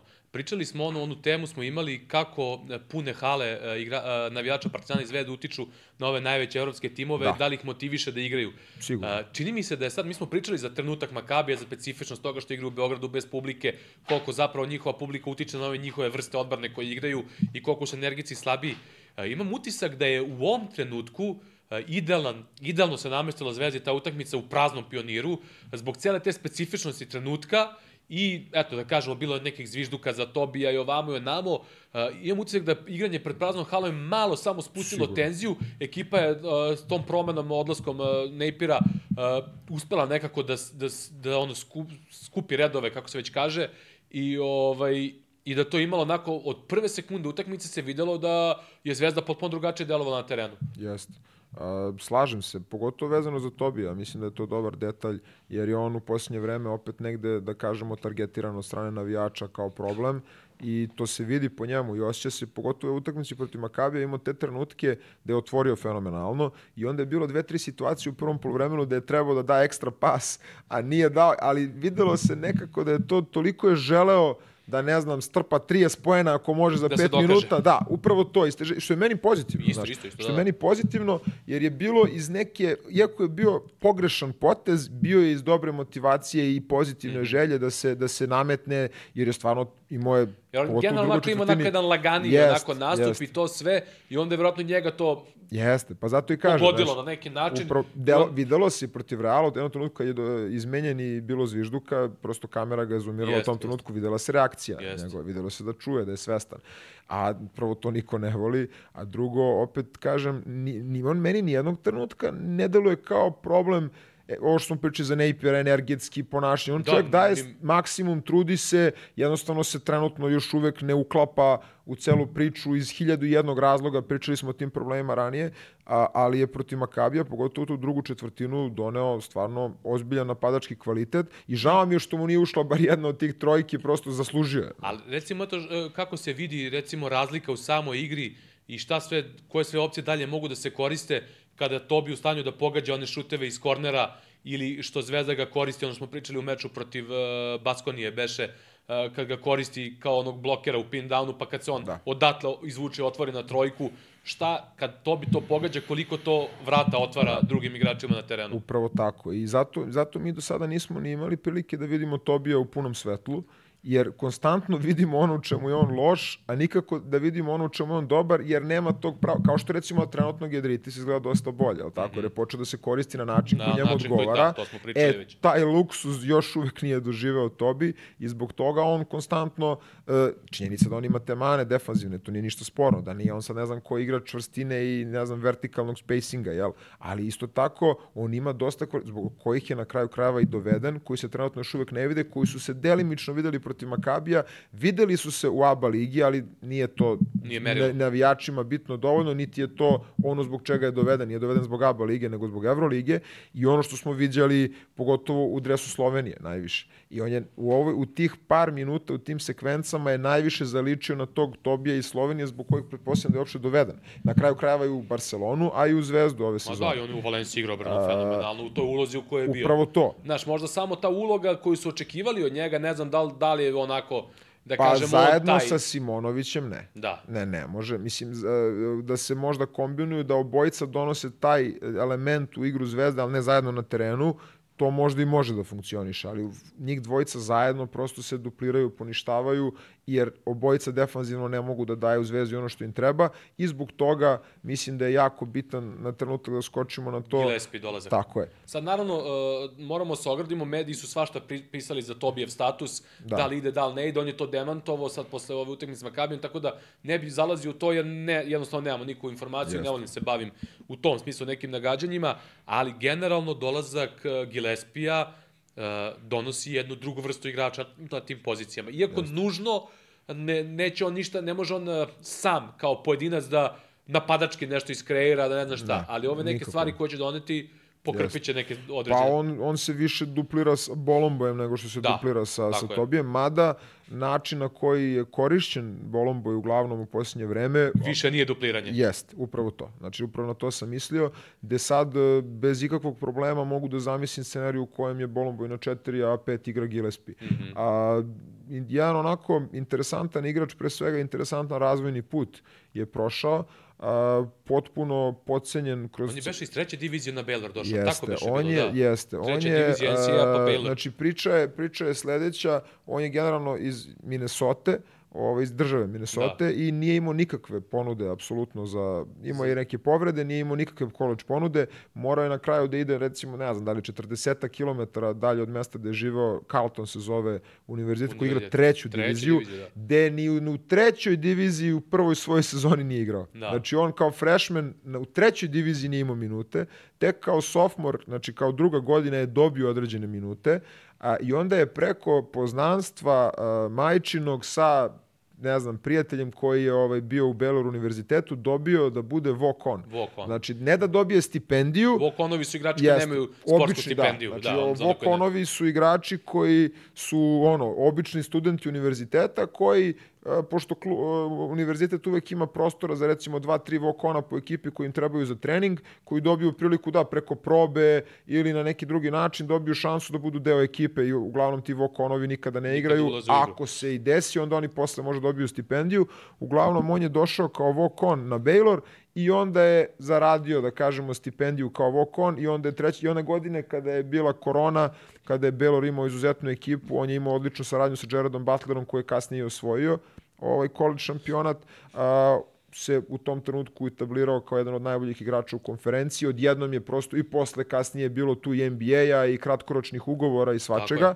A, tako da je igrač koji je onako prošao svašta baš. I kada je došao u Evropu, i takođe ono idealan uh, igrač, ono kakav Trinkeri voli, kakvi Jest, Trinkeri voli. Jest, te što te podcenjene ovaj visok izuzetan raspon ruku Da, i- on je, on, on je na nekih svojih, koliko ima, neki 2, 6, 7, Jest. ima recimo 2, 26 Jest. rasporu. Mislim, ima dosta nekih različitih podataka. Jedan negde piše ali- 7-3, tako, negde piše mislim da, da je 7-4. 2, 26, da je najprecizniji da, podatak. Da. A, I igrač koji je ovako, kažem, baš zbog celog tog svog razvojnog puta i bio prosto primoran da, da se okrene iz školi, ali nije mogao baš da računa da će imati sigurno karijeru sportsku i izuzetno jedan interesantan, inteligentan igrač koji je još uvek sirov, koliko god to Jeste, glupo jeste, da. zvučalo, na tom nivou košarke, gde, gde može da bude ako se potrefi, pogotovo u ovom sistemu Zvezde sa, sa Teodosićem koji baca pasove koje baca, može se desi jedna vrsta napretka koja se desila sa Bolombojem. On će znači, do- da, da izvuku iz njega mnogo više Tako nego što je bilo što je u bilo Bayernu. ranije. Da. On će sigurno taj vertikalni spacing i igru, igru iznad obruča doneti. Da. To nema nikakve dileme u paru sa Teodosićem, to će doneti. Druga stvar što donosi Zvezdi je dobar skok. On je prvo sjajan ofanzivni skakač. Jeste. On je poznat po onim tipinovima i sve ostalo. S jedne strane, s druge strane, može da preuzima, može da brani. A i Ovaj, da na perimetar- konačno neko može da lupi blokadu. Da nekom. lupi blokadu, da. što opet može, što opet je utisak konstantno da uh, ta energija koju smo pričali protiv Reala i generalno šta fali Zvezdi ta vrsta uh, inicijalne kapisle Kapisle koju si pominjao za za kampaca, Kampaca, da. e, ta vrsta inicijalne On- kapisle koja može da... halu. Jest, jedna blokada, jedno jako snažno kucanje, ono što je Lesor donosio Pa Partizanu. ili, ja, bi, ja bi njega uporedio znači, sa efektom koji Partizan imao ranije od Mozlija. E, red, ba, bolje Da. poređenje. Znači, ne poredim ih igrački, nego Ne, efekat i stvari razumem. koje je donosio na Jest, terenu. jest, znači, jest. ne poredim ih uopšte igrački, ono, po, po sličnosti, I- nego i- efekat koji donosi. I kroz istoriju gledano, takvi igrači i kroz Zvezdu i kroz Partizan, kada kliknu, kada nađu neku svoju nišu u okviru ekipe, oni uvek budu dobro dočekani od strane navijača, stvori se pozitivna energija i onda oni kasnije se, da kažemo, navuku na taj osjećaj i onda još više, još više Mhm, Oni žive od daju toga. ekipi. Jest. Jer Posebno prosto, ti igrači koji su prošli svašta u karijeri, Tako bilo im je teško, znaš, kad se osete cenjeno, upravo to. znaš, ili što bi rekli u čuvenom filmu, ovaj, kako kaže, Kwan. A, Kwan, A. Kwan, da. Jel tako? Show me the money. Show me the money. E, to je Kwan. Ali Kwan, Kwan je ovaj... Da, da, da razumem. Jerry. Maguire, za one koji Da. ne znaju o kom filmu pričamo. Znači, Jeste. Kwan je kao ne samo lova, nego i poštovanje. Jeste. Da zavred dobiješ poštovanje ono od svih koje zaslužuješ. I mislim da može da bude jako interesantan igrač, pogotovo što je imao i sad opet to novo podcenjivanje kroz Bayern, gde, gde nije mogao da se izbori za svoje minute, gde je to opet još jedna, ono što smo pričali u prošloj epizodi, da li treba da dovodiš igrače koji su gladni, sad opet imamo, mislim, igrača koji je gladan, koji dolazi na ekipu koji treba tačno ono što on ima. Znaš, taj, taj neku vrstu agresivnosti, fizikalnosti, Znaš dobar kod njega, atletski. znaš šta je kod njega pocenjena kategorija, odnosno stvar? Uh, fizička snaga. Znaš, možda ga ne gledaju tako zato što je un- undersize petica, međutim, prošle godine, recimo, u utakmici u Minhenu protiv Partizana, Lesor je ozbiljne probleme imao da ga pomeri s pozicije. Ozbiljne probleme. Pa, Znaš, nije uspeo fizički da ga on je, on je izuzetan fizički potencijal koji još uvek nije kliknuo u Euroligi na način na koji je sigurno očekivao recimo trener Trinkieri. Dobro, on je kod Trinkieri imao sasvim pristojnu ulogu i ono, odradio, I, s obzirom ovaj, bila prva sezona u Evropi.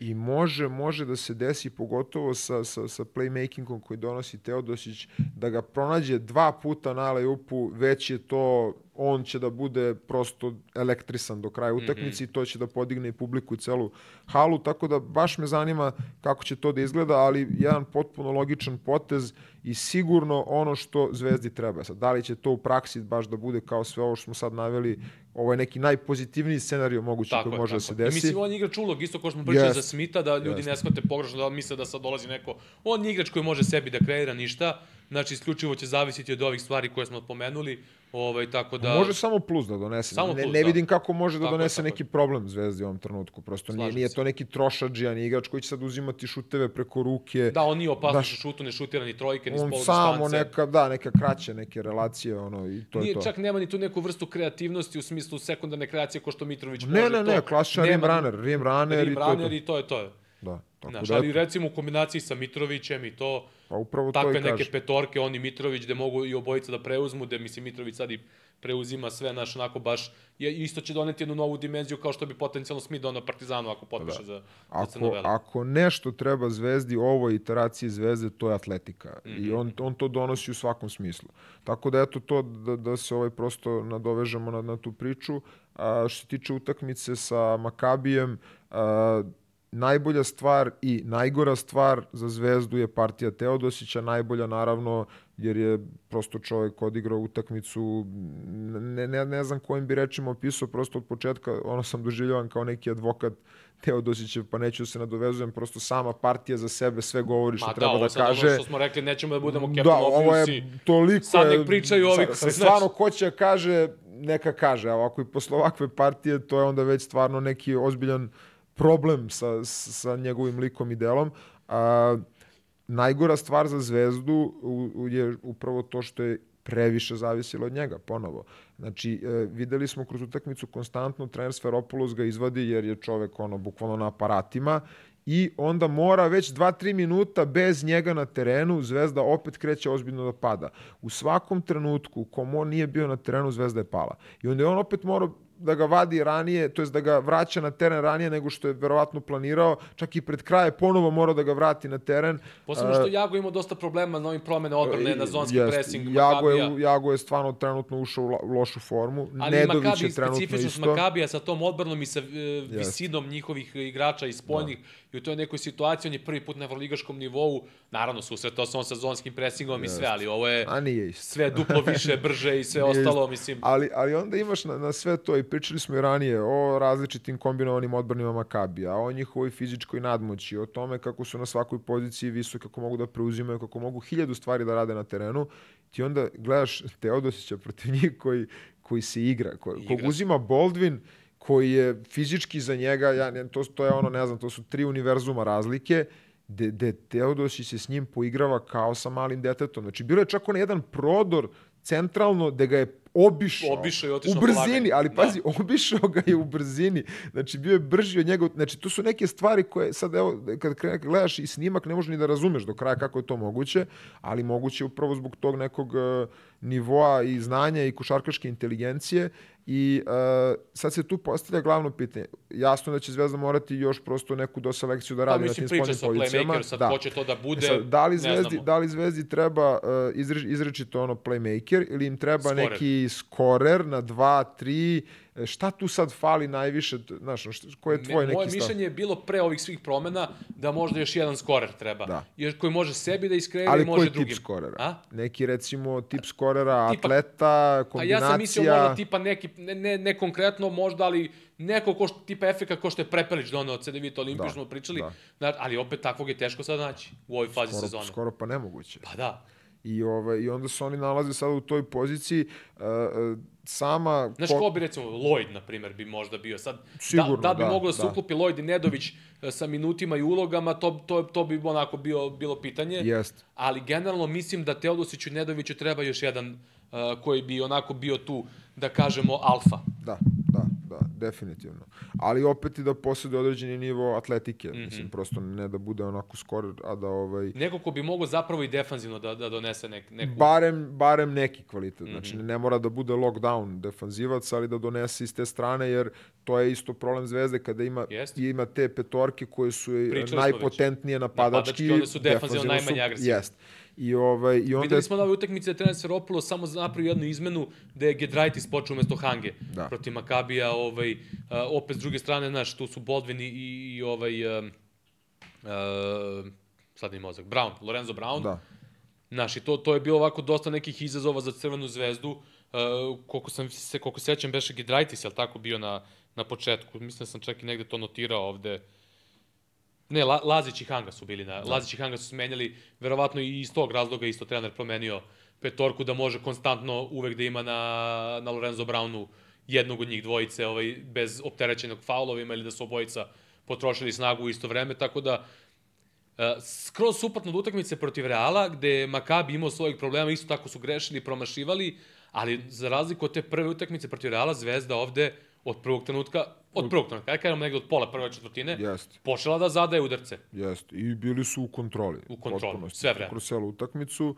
I ovaj, imali su rešenja u svakom trenutku za Makabi, gde, gde je Makabi Uteral- kao ekipa koja prosto Tako, ne zna na uterali su terenu. Makabi u situaciju gde počinje Makabi da šutira na prvu, Da, da, da, igraju da. bez ikakvog plana, Jeste. bez ikakvog strpljenja, bez ikakve ideje. ali opet sve prošlo iz napada. Znači, prosto u napadu ovaj, e, Zvezda je bila dosta strpljiva, čekali su na pravi način Teodosića u situacijama, koristio je trener Sferopoulos, je koristio Hangu kao primarnog prenosioca, Prenosioca lopte, lopte, da, ne kako ne kreatora. bi, da, kako ne bi trošio, kako ne bi trošio Teodosića u tom smislu i to je bio isto izuzetno dobar potez. Uh, I druga ovaj, stvar koju bi ja isto dodao, onako videla se spremnost na zonski pressing i Bolombo i Jest, Davidovac jest, i svi ostali jest, igrači su I kao oni Mitrović je distributeri, i Mitrović preneo, kroz da. sredinu, onaj pas, ono školsko napadanje zonskog pressinga, nijednom trenutku, nijedne sekunde Zvezda nije imala gram panike na, na tu vrstu odbrane, koja generalno, kad su timovi spremni, da eto to je, ja to pričam i stalno u prenosima, kada je ekipa spremna za zonski pressing, to ti omogućuje čak da daš lak koš, 1 na 0 na drugoj Da, strani. da. Ako te iznenade, u ozbiljnom si problemu. Jest. Ko što je recimo Jaga samo iznenadila na početku, možda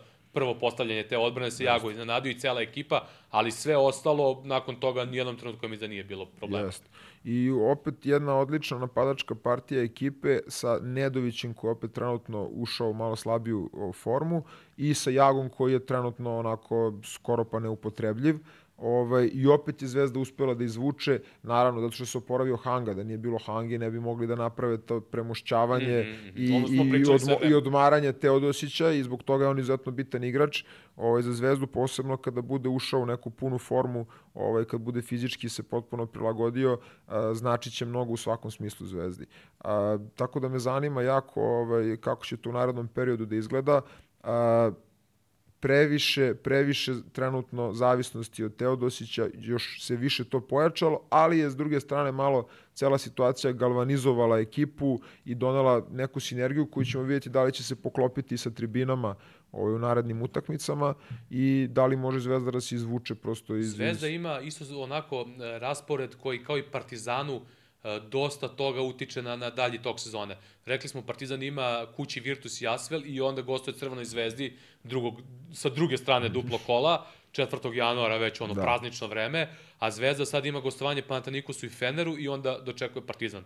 Dakle, tri utakmice za jedne i za druge koje baš onako determinišu nastavak sezone. Jest, jest. I sve su pakleno teške utakmice. Pakleno, te, mislim, teške za Zvezdu posebno su da, pakleno pa, da, teške. Da, Zvezda na zvezdu i mislim. Da, ovaj. plus, da kažem, taj neki specifičan period tranzicioni, gde se neki igrači vraćaju iz povreda, gde dolaze pojačanja i sve ostalo, da kažemo još ovo jedno kolo pojačanja nemaju pravo da igraju, da. ove koji su iz Evrolige prešli, ovaj, tako da praktično Zvezdi od Fenerbahča, Partizanu od Asvela, ako dođe Smith, će moći da, da računaju treneri na, na, na, na te igrače. Jeste, izuzetno teške utakmice, prosto jako će teško biti Zvezdi. Ako izvuče pobedu bilo kojoj od tih utakmica pre derbija, to bi moglo da im bude onako baš dobar zamajac za derbi. I Zvezda iskoristila situaciju Makabe o kojoj smo mi pričali prethodnih par epizoda, uh, gde evo sad su se pojavile neke informacije da ima tih nesuglasica oko povratka za utakmice Izraelske lige, to smo mi pominjali pre dve epizode, jer i Hapol Jerusalim imao taj problem,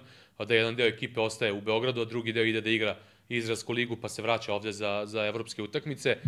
Ovaj, e, Zvezda je savršeno iskoristila tu, tu situaciju i sa dobrom energijom i generalno je Makabi tim koji, kogod bili atletski dominantni i sve ostalo, ipak imaju dosta napadačkih mana I recimo prošle godine ih je Partizan onako e, preokrenuo u drugom polovremenu utakmice, gde su sve vreme igrali switch odbranu, celo drugo polovreme, ako sećaš te utakmice, gde sam ja za Partizan Fener rekao da me strašno ta utakmica podsjetila i ceo tok i sve na tu Partizan Makabi iz prošle sezone. Zvezda je u dobrom delu ove utakmice isto preuzimala sve i jednostavno natrala Makabi da dosta igra jedan na jedan, da uzima te neke šuteve, a opet sa druge strane e, u nekim situacijama Nibo uspeo da uradi slip, protiv preuzimanja i da ode gore na obruč. Ali u većini situacija su bile te neke situacije gde je Nibo bio prođen da prihvati loptu, da je spustio dribbling, da. pa da ulazi u situacije u kojima nije konforan. Tako. Tako da je sa te strane Zvezda radila dobar posao, ovaj, gde jednostavno neki igrači su bili prinuđeni Makabe da rade stvari u kojima nisu 100% konforni. problem Makabe je što oni previše zavise od ritma. Mm Generalno su takva A, ekipa. Su, znači, oni, to je njihov oni, DNK. Oni, da, ono oni ili, ili te ubijaju ili su u problemu. Ili su u problemu. Nema, Nema nemaju sredinu, nemaju tu vrstu stabilnosti, tako, tako im je roster koncipiran, tako im je stil igre i to opet ono što si ti pomenuo, više puta mnogo bolje ide uz domaći, uz teren, domaći uz publiku koja vrši nije dodatni pritisak. Nije slučajno Makabi prošle godine bio Upravo mnogo tako. bolje na domaćem nego na strani. Jer im je takav stil igre, takva im je koncepcija da taj domaći teren dosta veliki značaj. To se najbolje vidi uh, kroz šut. Jer Makabi nema neke dominantne Upravo šutere. To. Iz ritma, sve iz, iz ritma, sve iz, ritma. iz odbrane, iz uh, ukradene lopte, tako iz uh, deflectiona, iz nekih poremećaja. Oni žive i hrane se poremećajima protivnika koje iniciraju svojim kombinovanim odbranama. Oni igraju gegen pressing. E, da, oni igraju reaktivnu košarku. Uh, u svakom slučaju, uh, kad, kad ti imaš atletiku i mogućnost da preuzimaš protiv njih, oni su u ozbiljnom problemu da bilo šta Da, iskreiraju. da, Znaš, ove godine su to malo prilagodili dolaskom Rivera, što smo pričali, uh, Web je trebalo da unapredi malo šut sa tih unutrašnjih pozicija, dobiju to nešto što prošle godine nisu imali, međutim, nove utakmice protiv Zvezde to nisu uspeli da eksploatišu, posebno u momentima kada je Rivero bio koji imao solidnih poteza, ali nije u kontinuitetu uspeo da bude neka opasnost dole ispod, ispod koša. Pa nisu, nisu uspevali da pronađu pravi ritam kroz celu utakmicu, je. jer je I- Zvezda bila u kontroli non I. I konstantno je Makabi žurio, srljao Da. s tim šutima i zbog toga nisu uspeli da smire meč da spuste recimo Riveru u nekim ismer situacijama i tako dalje. Baš tako, baš tako. Uh, je li imamo još nešto sa, sa te utakmice da spomenemo? Pa mislim, u principu pomenuli smo i Gidritisa, i Tobija, i ovaj, Teodosića, to su sve Mitrović bile- Davidovac, opet onako one E da, partije. bio je, da, dva, dva izuzetno ofanzivna skoka, skoka bitna, Davidovca. ono, mislim, ono nisu ni On- šutevi, ono je ne, nenormalno teško pogoditi, mislim, Da. a oba su bila Važna. jako važna, da, da. Oba su recimo, bila to je- važna. Uh, znaš ti kad pogledaš rezultat u tom trenutku i dalje tu Zvezda ima Ma, ali faza utakmice je bila takva da to nisu bili koševi. Upravo Moglo to. bi da ode u... Jest, jest. Znaš, a posebno način na koji su dati ti koševi, ono što Jest. kažemo, protivnik Jest. se muči, muči, pokušava da stigne, ti daš takav koš i onda oni... to su sve efekti uh, koji, koji ljudi prosto koji, koji nisu toliko možda u sportu ovaj, imali direktan kontakt s time, ne mogu baš da shvate uh, iako je kao velika razlika, prvo pričali smo o tome koliko u današnjoj košarci više jedna razlika ne znači ništa, sa tri trojke, četiri trojke u četiri povezana napada može prosto protivnik da te stigne u svakom trenutku. Uh, taj uh, momentum koji ti možda ne stvaraš za sebe, ali ubijaš protivniku, to je izuzetno važno. Mislim, pogotovo kada ti vodiš celu utakmicu, ti si negde u, i, u, i u nekoj vrsti tenzije, koliko god to glupo zvučalo, jer ti sad recimo vodiš i ti sad nemaš više taj moment da skačeš sa razlikom, to je opet psihološki pritisak gde protivnik veže 4, 6, 4 poena, 6 poena i diže se atmosfera, diže se energija ekipe i ti sad moraš da odgovoriš na to. Znači, prosto nije lako ni držati razliku u celu utakmicu. Da. Uh, dobro, znači, pomenuli smo manje više sve, nešto smo sigurno zaboravili kao i uvek, hvala Bogu. Um, što se tiče Evrolige i ove vr transfer vrteške, da pomenemo Justin Anderson koji Da. će u Valenciju doći iz Breogana uh, i potencijalno vrlo interesantan potpis. Ja se godinama pitao zašto je Anderson sebi dozvolio da se smuca tamo po G ligi, da igra na, na, na, onaj, na onom nivou neko ko je ono imao sjajnu college karijeru, koji je po ulasku u ligu odmah bio u rotaciji ekipe Dallasa, imao čak i one dobre odbrane na Kevinu Durantu i sve ostalo, znaš. I odjednom je samo zglajznuo i kao mota se po G ligi i igra tamo onim prozorima iz reprezentacije Sjedinjenih američkih država. Ja sam očekivao realno mnogo ranije dođe u Evropu. Došao je sada kratko i evo ga odmah bi trebalo u Valenciju sada da ide. Meni vrlo interesantan potpis za praćenje. Kako ne? Znaš, kako će snaći, kako je to sve, međutim, fizikalija, odbrana, atleticizam, Savršeno se uklapa size, u ovo što radi ovo što Valencija. Valencija sad igra, da. Takođe Jeste. savršen fit za, za Jest. Valenciju. I on je ovaj, i studirao na Virginia, Na Virginiji. univerzitetu koji je apsolutno ono 99% odbrana, Odbrambena. 1% napad. Tako je. Tony E, Bennett i, jeste. i Tony Bennett i Peck Line. backline odbrana. Tako da se on uklapa savršeno u ovu ekipu Valencije i to ono što sam i pomenuo, znači oni od 2 do 5 imaju igrače koji su potpuno međusobno zamenjivi i, mo, i pružaju im tu vrstu i plus njima od Žele fali dosta. Mm. -hmm. On je izuzetno bitan za taj stil i taj sistem igre koji oni forsiraju u odbrani, a savršeno mi se uklapa na prvu loptu u I ovo što. Valencija hoće. Znaš, samo da vidimo u kakvom je on stanju u Da, tom nekom da, smislu, s obzirom da, na to lutanje poslednjih par godina nakon tog trenutka gde on, kažem, u prvoj sezoni je bio u rotaciji Dallasa, čuvao neke od najboljih protivničkih napadača i sve, ali generalno ovako u osnovi neko ko ako se dobro pokaže u Valenciji, vrlo lako bi mogao sledeće godine da, Jeste. da ode na još neki viši nivo, u nekom smislu da ga neki još... Sigurno po nekoj potentnosti igrač za Euroligu, samo da vidimo da li mu je glava na tom nivou. Tako je, tako je. Šta nam je ostalo još od tema? Okobo. Ulazimo u, u, Okobo. u foto finish. Da. Okobo. Okobo i slobodno bacanje. I slobodno bacanje i odbrana nakon toga. Da. A, Ja, evo, znači, kad sam ja konstatovao na utakmici da. Partizan e, Monako, rekao sam da nisam preveliki fan Okoba, da me nikad nije kupio, ali da je protiv Partizana igrao zaista fenomenalno da. i sve, ali evo sad, ovo je jedan od primjera za, zašto sam rekao da, da, da nisam preveliki ali, fan. ali, na- znaš, ja, ja sam to, znaš, ono, dopisivali smo se tako kad se to desilo, ja sam ti rekao, bukvalno sam imao, imao sam identičnu situaciju, znači ne može biti da smo sad kopirali u ligi pre, ne znam, dva meseca, gde su, pričamo o radu sa decom, jel, koji idu u školu, koji imaju 16 godina. Ovaj, situacija je bila isto, samo što je bio produžetak. Dva razlike, slobodno bacanje jedno, tipa ovde je bilo 2, zarez koliko sekundi, a ovde je bilo možda, kod nas je bilo možda 3,7, sad ne mogu tačno da se setim, gde, ovaj, gde moj igrač kapiten centar je promašio bez problema. Sad mo- možda malo i prečesto, ali ovaj, možda ima dosta prakse, ali a, nije, ne, mogu, ja mogu da razumem da, da recimo si, ne znam, bacio pa ne ne pogodiš promašaj baš kako treba, ali tablu, ja, ja znaš ono, mislim, koja je tu, ko je ono thought process, brad. Šta, šta ti prolazi kroz glavu, pa ti u tom trenutku tako baciš loptu na koš. Da, Da, da. Znači, ako, ako nisi sposoban da je promašiš kako treba, pa te šutni da pogodiš, pa ćeš možda da je promašiš Pa da, normalno, pa da. a ako daš, opet imaš plus 3. Mislim, nije sad, znaš, možda plus 1 je možda nezgodniji, ali opet, ajde da kažemo, sa plus 3 ti opet braniš produžetak, možda praviš praviš faul. mo, imaš više nekih opcija, varijanti koje možda izvedeš i onda, na, i onda ovaj, Ili još čovjek gora U odbrani šta je situacija. uradio, ne znam šta, A, da li je teo da svičuje nešto Upravo ili... to. Ovo, da kažemo da možemo da razumemo, može svakome da se desi, opet ajde. Nikad te niko nije ni učio da promašuješ, mislim. Da smo još imali od ovih evroligaških tema, imali smo ovu izjavu Luvavua, Da, vezano za da, trenera Mesinu. A, Mi smo pričali o Mesini, Da. ja sam iznao svoje mišljenje i sad uvek u tim situacijama svako ima neki drugačiji pogled, neku svoju situaciju. Ne. A, pa Meni, se ta meni tendencija ne sviđa. E, upravo to. Sama činjenica da li je bilo treneru Messini ili nekom drugom treneru manje više, u posljednje vreme imamo situaciju da se dosta često komentariše Esikivičius. Evo sad je recimo Laprovitola imao pozitivnu izjavu za, Za- za, a Esikivičiusa, tako ali, znaš, ta tendencija mi je malo onako, ne znam, neukusna. Ovaj, pogotovo što u tom trenutku si dalje takmičiš protiv tog trenera, igraš tu istu ligu. E, kako bi sad izgledalo kada bi treneri počeli tako da komentarišu igrače ovaj, javno, znaš? Možda vrati Luvavua, ko ne ipira. pa to, mislim, bez, bez veze mi je ta tendencija. I znaš. meni isto, na I- A kraju... nekako sve više i više dobija zamaha, znaš, sad recimo je to postalo nekako najnormalnija Mislim, uh, stvar. me- m- uh, Neprofesionalno mi je, ne, ne znam Da, kako bi to na... ja- ja I isto i u obrnutom smeru mi je neprofesionalno, Jeste, da se jeste, razumemo. jeste, znači, jeste. ne sad kao neprofesionalno kad igrači komentarišu trenere. Isto i kad treneri sad otvoreno tako izlači igrače i komentarišu ih, ovaj, mislim da je to onako, znam, ne sviđa mi se taj trend. Slažem se, apsolutno. I ovaj, s jedne strane, opet ta neka izjava kao Luvavu je rekao da, da je pričao loše o njemu, pretpostavljam, trenerima koji se raspitivali za njega.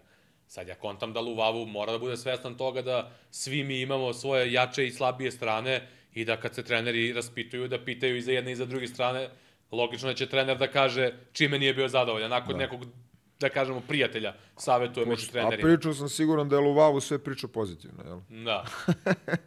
Pa mislim, i njega da. je neko pitao kako ti ovde, pa je on rekao sviđa mi se, ne sviđa mi se. Jel? Da, Ja apsolutno. sigurno nije rekao sviđa mi se Mesina nekome privatno ovako, jel? Možda Tako. ga je pitao neki igrač koji treba da ode u Milano, ga je možda pitao isto tako kao što treneri Tako pitaju je. igrače koji dovode. Znamo i, I sami da raspituju. igrači između sebe se I to je raspituju. potpuno normalna stvar. I to je, znaš... zapravo nervira što se toga pravi fama od svih Pa da, tih stvari. u privatnoj komunikaciji to je jedna stvar, javno je ipak druga stvar. Tako je, i to, to je Znači, ključna ne treba stvar. mešati te dve stvari. Jeste, apsolutno. Znači, jedna je stvar imati stav u kafani i ovako sa društvom, drugo je kad pričaš nešto javno. Kad pričaš javno, moraš da imaš veliku odgovornost toga što pričaš Jest. i brojne faktore da si uključio. Jeste, jeste. Na, što ljudi ne mogu da shvate. To smo i pričali negde u nekim onim početnim epizodama ovaj, na, na tu temu. Znaš, jedno je pričati ovako, a drugo je javno, jer imaš veliku odgovornost i veću odgovornost i moraš da si siguran u nešto što pričaš, da bi javno nekog, posebno ako nekog napadaš ovaj, i tako to. Ali, Baš zato. mislim, ne znam. Kažem ti, ne, ne sviđa mi se ta te- tendencija koja je krenula, posebno što su svi krenuli iz tog nekog ugla moralisanja, znaš. Kao ovaj je loš čovek, ovaj ovo, znaš, Pa, mislim, situacije, znaš, sve treba gledati kroz kontekst situacije. Svako će u nekoj situaciji da ispadne i ovakav i onakav. jest, jest. I baš zbog toga, to što si rekao vezano za odgovornost koju nosi javna reč, je što ti onda kada staviš tu etiketu javno, to dobije potpuno težinu neku, raširi se dalje i onda će neko dobiti etiketu koju je možda zaslužio, a možda baš Možda i nije. A da li si ti baš uzeo sve u obzir kada si tu etiketu tako olako davao? je. jer to što je tvoje iskustvo bilo negativno, ne znači da je i moje. ne znači da je i nečije drugo. I isto tako, prosto se možda namestila si takva se- situacija, možda si se i ti ponašao kako, Kako si ne ti treba. postavio prema tom nekom koji, se, koji tebi odgovorio... Bez, na, i, onda, I onda to posle krene tako da se, da se rola ovaj, kao lavina, a ne treba se uopšte baviti time. Mislim, pogotovo u toku sezone ne vidim, ali to je opet zbog toga što je krenuo sad recimo sve više tih igrača e, te gostuju u nekom podcastu tokom ove sezone i onda prosto je pitanje u tom trenutku šta oni izjave, koliko su koncentrisani, e, prosto, znaš... Koliko je nešto izvučeno iz konteksta, Jeste, koliko, koliko je je neko... izvučeno iz konteksta, sad imamo opet tu pojavu ovaj, sve više tih uh, evropskih medija, ne u smislu evropskih kao podržavama, nego medija koji pokušavaju da nivou cele Evrope prate i da stvaraju kontent i onda a ne shvataju jeste, iz te neke, de, ne, ne, neke detalje Tako je. u tim državama ili šta ti ja iz znam. te želje da stvore kontent koji će da ovaj dovuče prosto gledaoce ili da natra nekog da plate pretplatu, što vidim da su i to počeli da uvode u posljednje vreme na tekstove, a onda ti prosto si sklon tome nekom senzacionalizmu iz kojeg ćeš ti želeti da izvučeš korist za sebe pre svega, a prosto ko će da strada usput, da li će to biti trener, igrač ili će taj igrač koji misli da mu ti činiš uslugu u stvari da ovaj napravi sebi problem, to već niko ne razmišlja o tome. Dobro, E, nemamo još mnogo vremena. Da. E, Nećemo mnogo stići, to jest skoro uopšte nećemo stići u ovoj epizodi u NBA-u da pričamo, osim možda o patikama. Da, možda patikam. Nikola da. Jokić ima novi ugovor. E, interesantno, eto. Jeste. Po, mi smo pom, pominjali se ti kad smo pričali na jednoj epizodi o, o, o Sketchersu, pomenuli smo tu Pomenuli smo 361, svest, kako- da, promenuli smo 361 stepen. Stepen, da, ne, ne, ne znam kako da, da, da, kako da, kako se izgovara, znaš, originalno, kao, znaš. Pa to, to, to. Da, da li ga pravilno izgovaramo? Da. E, pa jeste, mislim, e, on je imao sa Nike-om tu neku saradnju, ovaj, on je pre svega bio, da kažemo, promoter tog e, GT jumpa, mislim, ta njihova linija GT generalno ima cut, jump, hustle, ne znam, hustle nosi sada Vembanjama, mm. -hmm. cut je možda najpopularnija, ovaj, sad izlazi trojka, uh, Kec je bio možda za nijansu popularniji od dvojke, ali to su uglavnom uh, ta linija koja je Nike nestajala nakon što ovaj, su završili saradnju sa Kairijem, koji je bio možda ono i pogotovo za bekove najpopularnija njihova linija. I recimo Kobe, znači te kao low cut a, patike koje su pretežno orijentisane ka bekovima, Bekovima, da. playmakerima, pa, Pa, da mislim koriste, centri da ih pa to koriste ih svi, pogotovo Kobijeve, ali da kažemo da je to neka primarna orijentacija bila, ovaj, onda je Nike napravio tu kao GT kolekciju gde ovaj, u okviru koje su jump predviđene pre svega za te unutrašnje igrače i ovaj, Jokić je nosio tu liniju, ali opet kao jedan od promotera nečega što nije imao apsolutno svoje. Da, imao je ono kao PE, kao player exclusive, ima onaj svoj Da. znak kao Joker, ono broj 15, ali ni u jednom trenutku nije bio ni blizu ovaj e, signature patike koje inače mislim zaista teško i, i dobiti pogotovo u okviru Nike-a. Oni imaju sad ok, podelu na tu Jordan liniju, na Nike liniju, sad je recimo Booker dobio svoje svoju Nike liniju. A, ne znam šta se dešava sa Georgeom, mislim da on sada trenutno nije ovaj, u opciji da, da dobija dalje patike, A to ne znam, je, nisam to, siguran. To, to nismo ono spominjali umeđu vremenu, je Under Armour je izbacio uh, pod liniju za Stefa Karija. Znači, da, ko što da, je da, Jordan da, za Nike. kao Kari Brand, da. Da, Kari brand i uh, Dieron Fox, ja mislim, Jest, prvi koji je potpisao jest. Za taj Karijev brand. Jest, i on trenutno nosi starije Karijeve modele koje su sa ovim flow tehnologijom ovaj, novom, kao što recimo su ove Kobe patike Pro Tro, koje su ono, u suštini trenutno najpopularnije i teško doći do njih i najskuplje. Ovaj, tako je sada počeo i Kari da izbacuje te svoje starije modele koji su inače i bili dosta popularniji ovako i na ulici i među igračima, samo što je sada ubačena ta dodatna nova tehnologija, recimo te patike, ne mogu sada setiti da je to dvojka, trojka, ove te patike koje trenutno nosi De'Aaron Fox. A, tako da, a, verujem da, da bi teško bilo za Jokića, pogotovo pričali smo o tome, jako je teško za centre da dobiju svoju liniju i svoje signature mm -hmm. patike, a da ne potpišu sa nekim manjim brendom. Znači, mi se kad se vratimo unazad, koliko je uopšte centara dobijalo svoje patike. Znači, Howard je imao sa Adidasom liniju, imao je Tim Duncan je imao, a, ali opet te Duncan, ja imam, ja sam imao jedan model, tu su patike koje ne možeš ni da provališ da je, da je da, Duncan, piše smo oni da 21 u nekom i Da, on je imao svoj brend, imao je Shaq, Shaq, da. ali, ali do, ima recimo, imaš i Embida koji nema sa, sa Under Armourom svoju liniju, znači Mhm. on je imao kao, nosio, on, ne mogu setiti da nije on Anatomics, nego one Spawn modele, tako da uh, jedina orijentacija je ka tim brendovima sa strane, pre svega tim kineskim brendovima koji u principu uložu i najviše novca u te inicijalne ugovore u smislu keša sa igračima a, i verujem da je neku ulogu sigurno odigrao Aaron Gordon zato što je on, on- njihov on prvi. ekskluzivni jest, Da. on je njihov ekskluzivni a, do sada bio jedini igrač iz NBA-a koji nosi koji ima svoj model patika, tako da verujem da ćemo uskoro videti i patike koje će biti baš onako signature Jokićeve. E sad koliko će biti teško ili lako doći do njih, a, koji je uopšte marketinški potencijal vezano za Ameriku, verujem da će se u Kini sigurno prodavati. E sad koliko je uopšte taj brend okrenut ka nekom pokretanju linija u Evropi malo veće prodaje, to, to ne možemo da znamo trenutno, ali interesantan potez svakako. Tako da. Da. da je li ima uopšte neki naš igrač koji imao, imao je, imao je nešto Je- teo da Teo se je sa imao sa pikom, pikom, da. a imao je Tony body, Park- Bodiroga imao sa end one, End imao one-om, svoje da, patike jeste. neke, ali to nekako nije... Ajde da kažemo, Divac je nosio one Dada Supreme. Da, ali kao- to je bio taj model taj samo, model, da, eventualno nosili player exclusive, nije Da. imao svoju signature patiku. Tako Jeste, da, eto. jeste. Tony Parker isto sve vremena ono sa Nike-a prešao Jeste, na... jeste, on je- Elan, nije Anta, nego šta je Ne, prešao? ne, isto pik, isto A pik. pik, pik, da, Jeste, jeste, sigurno jeste, je jeste, pik. jeste, bravo. Sigurno je pik, nosio da. pik zbog njega, da. Jeste, tako da, eto, ajde da vidimo prosto kako će... On je već sad nosi neki model koji je već ovaj, prosto bio u prodaji o, njihov, a vidjet ćemo kako će to izgledati kad bude dobio svoju patiku. Dobro. Nemamo, nemamo vremena danas, morali smo malo da skratimo šta god to značilo da skratimo, pošto smo skratili na, evo recimo, dva sata otprilike. Pa da. Nismo stigli mnogo NBA, ali dobro, to ćemo nadoknaditi. Pitanja nismo stigli da odgovorimo, ali imamo, držimo E, dosta da. nekih pitanja Jeste, to- spremnih da, da odgovorimo u nekom trenutku kad se ukaže prilika, nemojte brineti dalje i dalje, naravno, ovaj, ćemo pratiti sve to, tako da, eto, sledeće nedelje, sledećeg vikenda se ponovo družimo i nastavljamo sa razno raznim pričama. Jest, over and out. Ćao.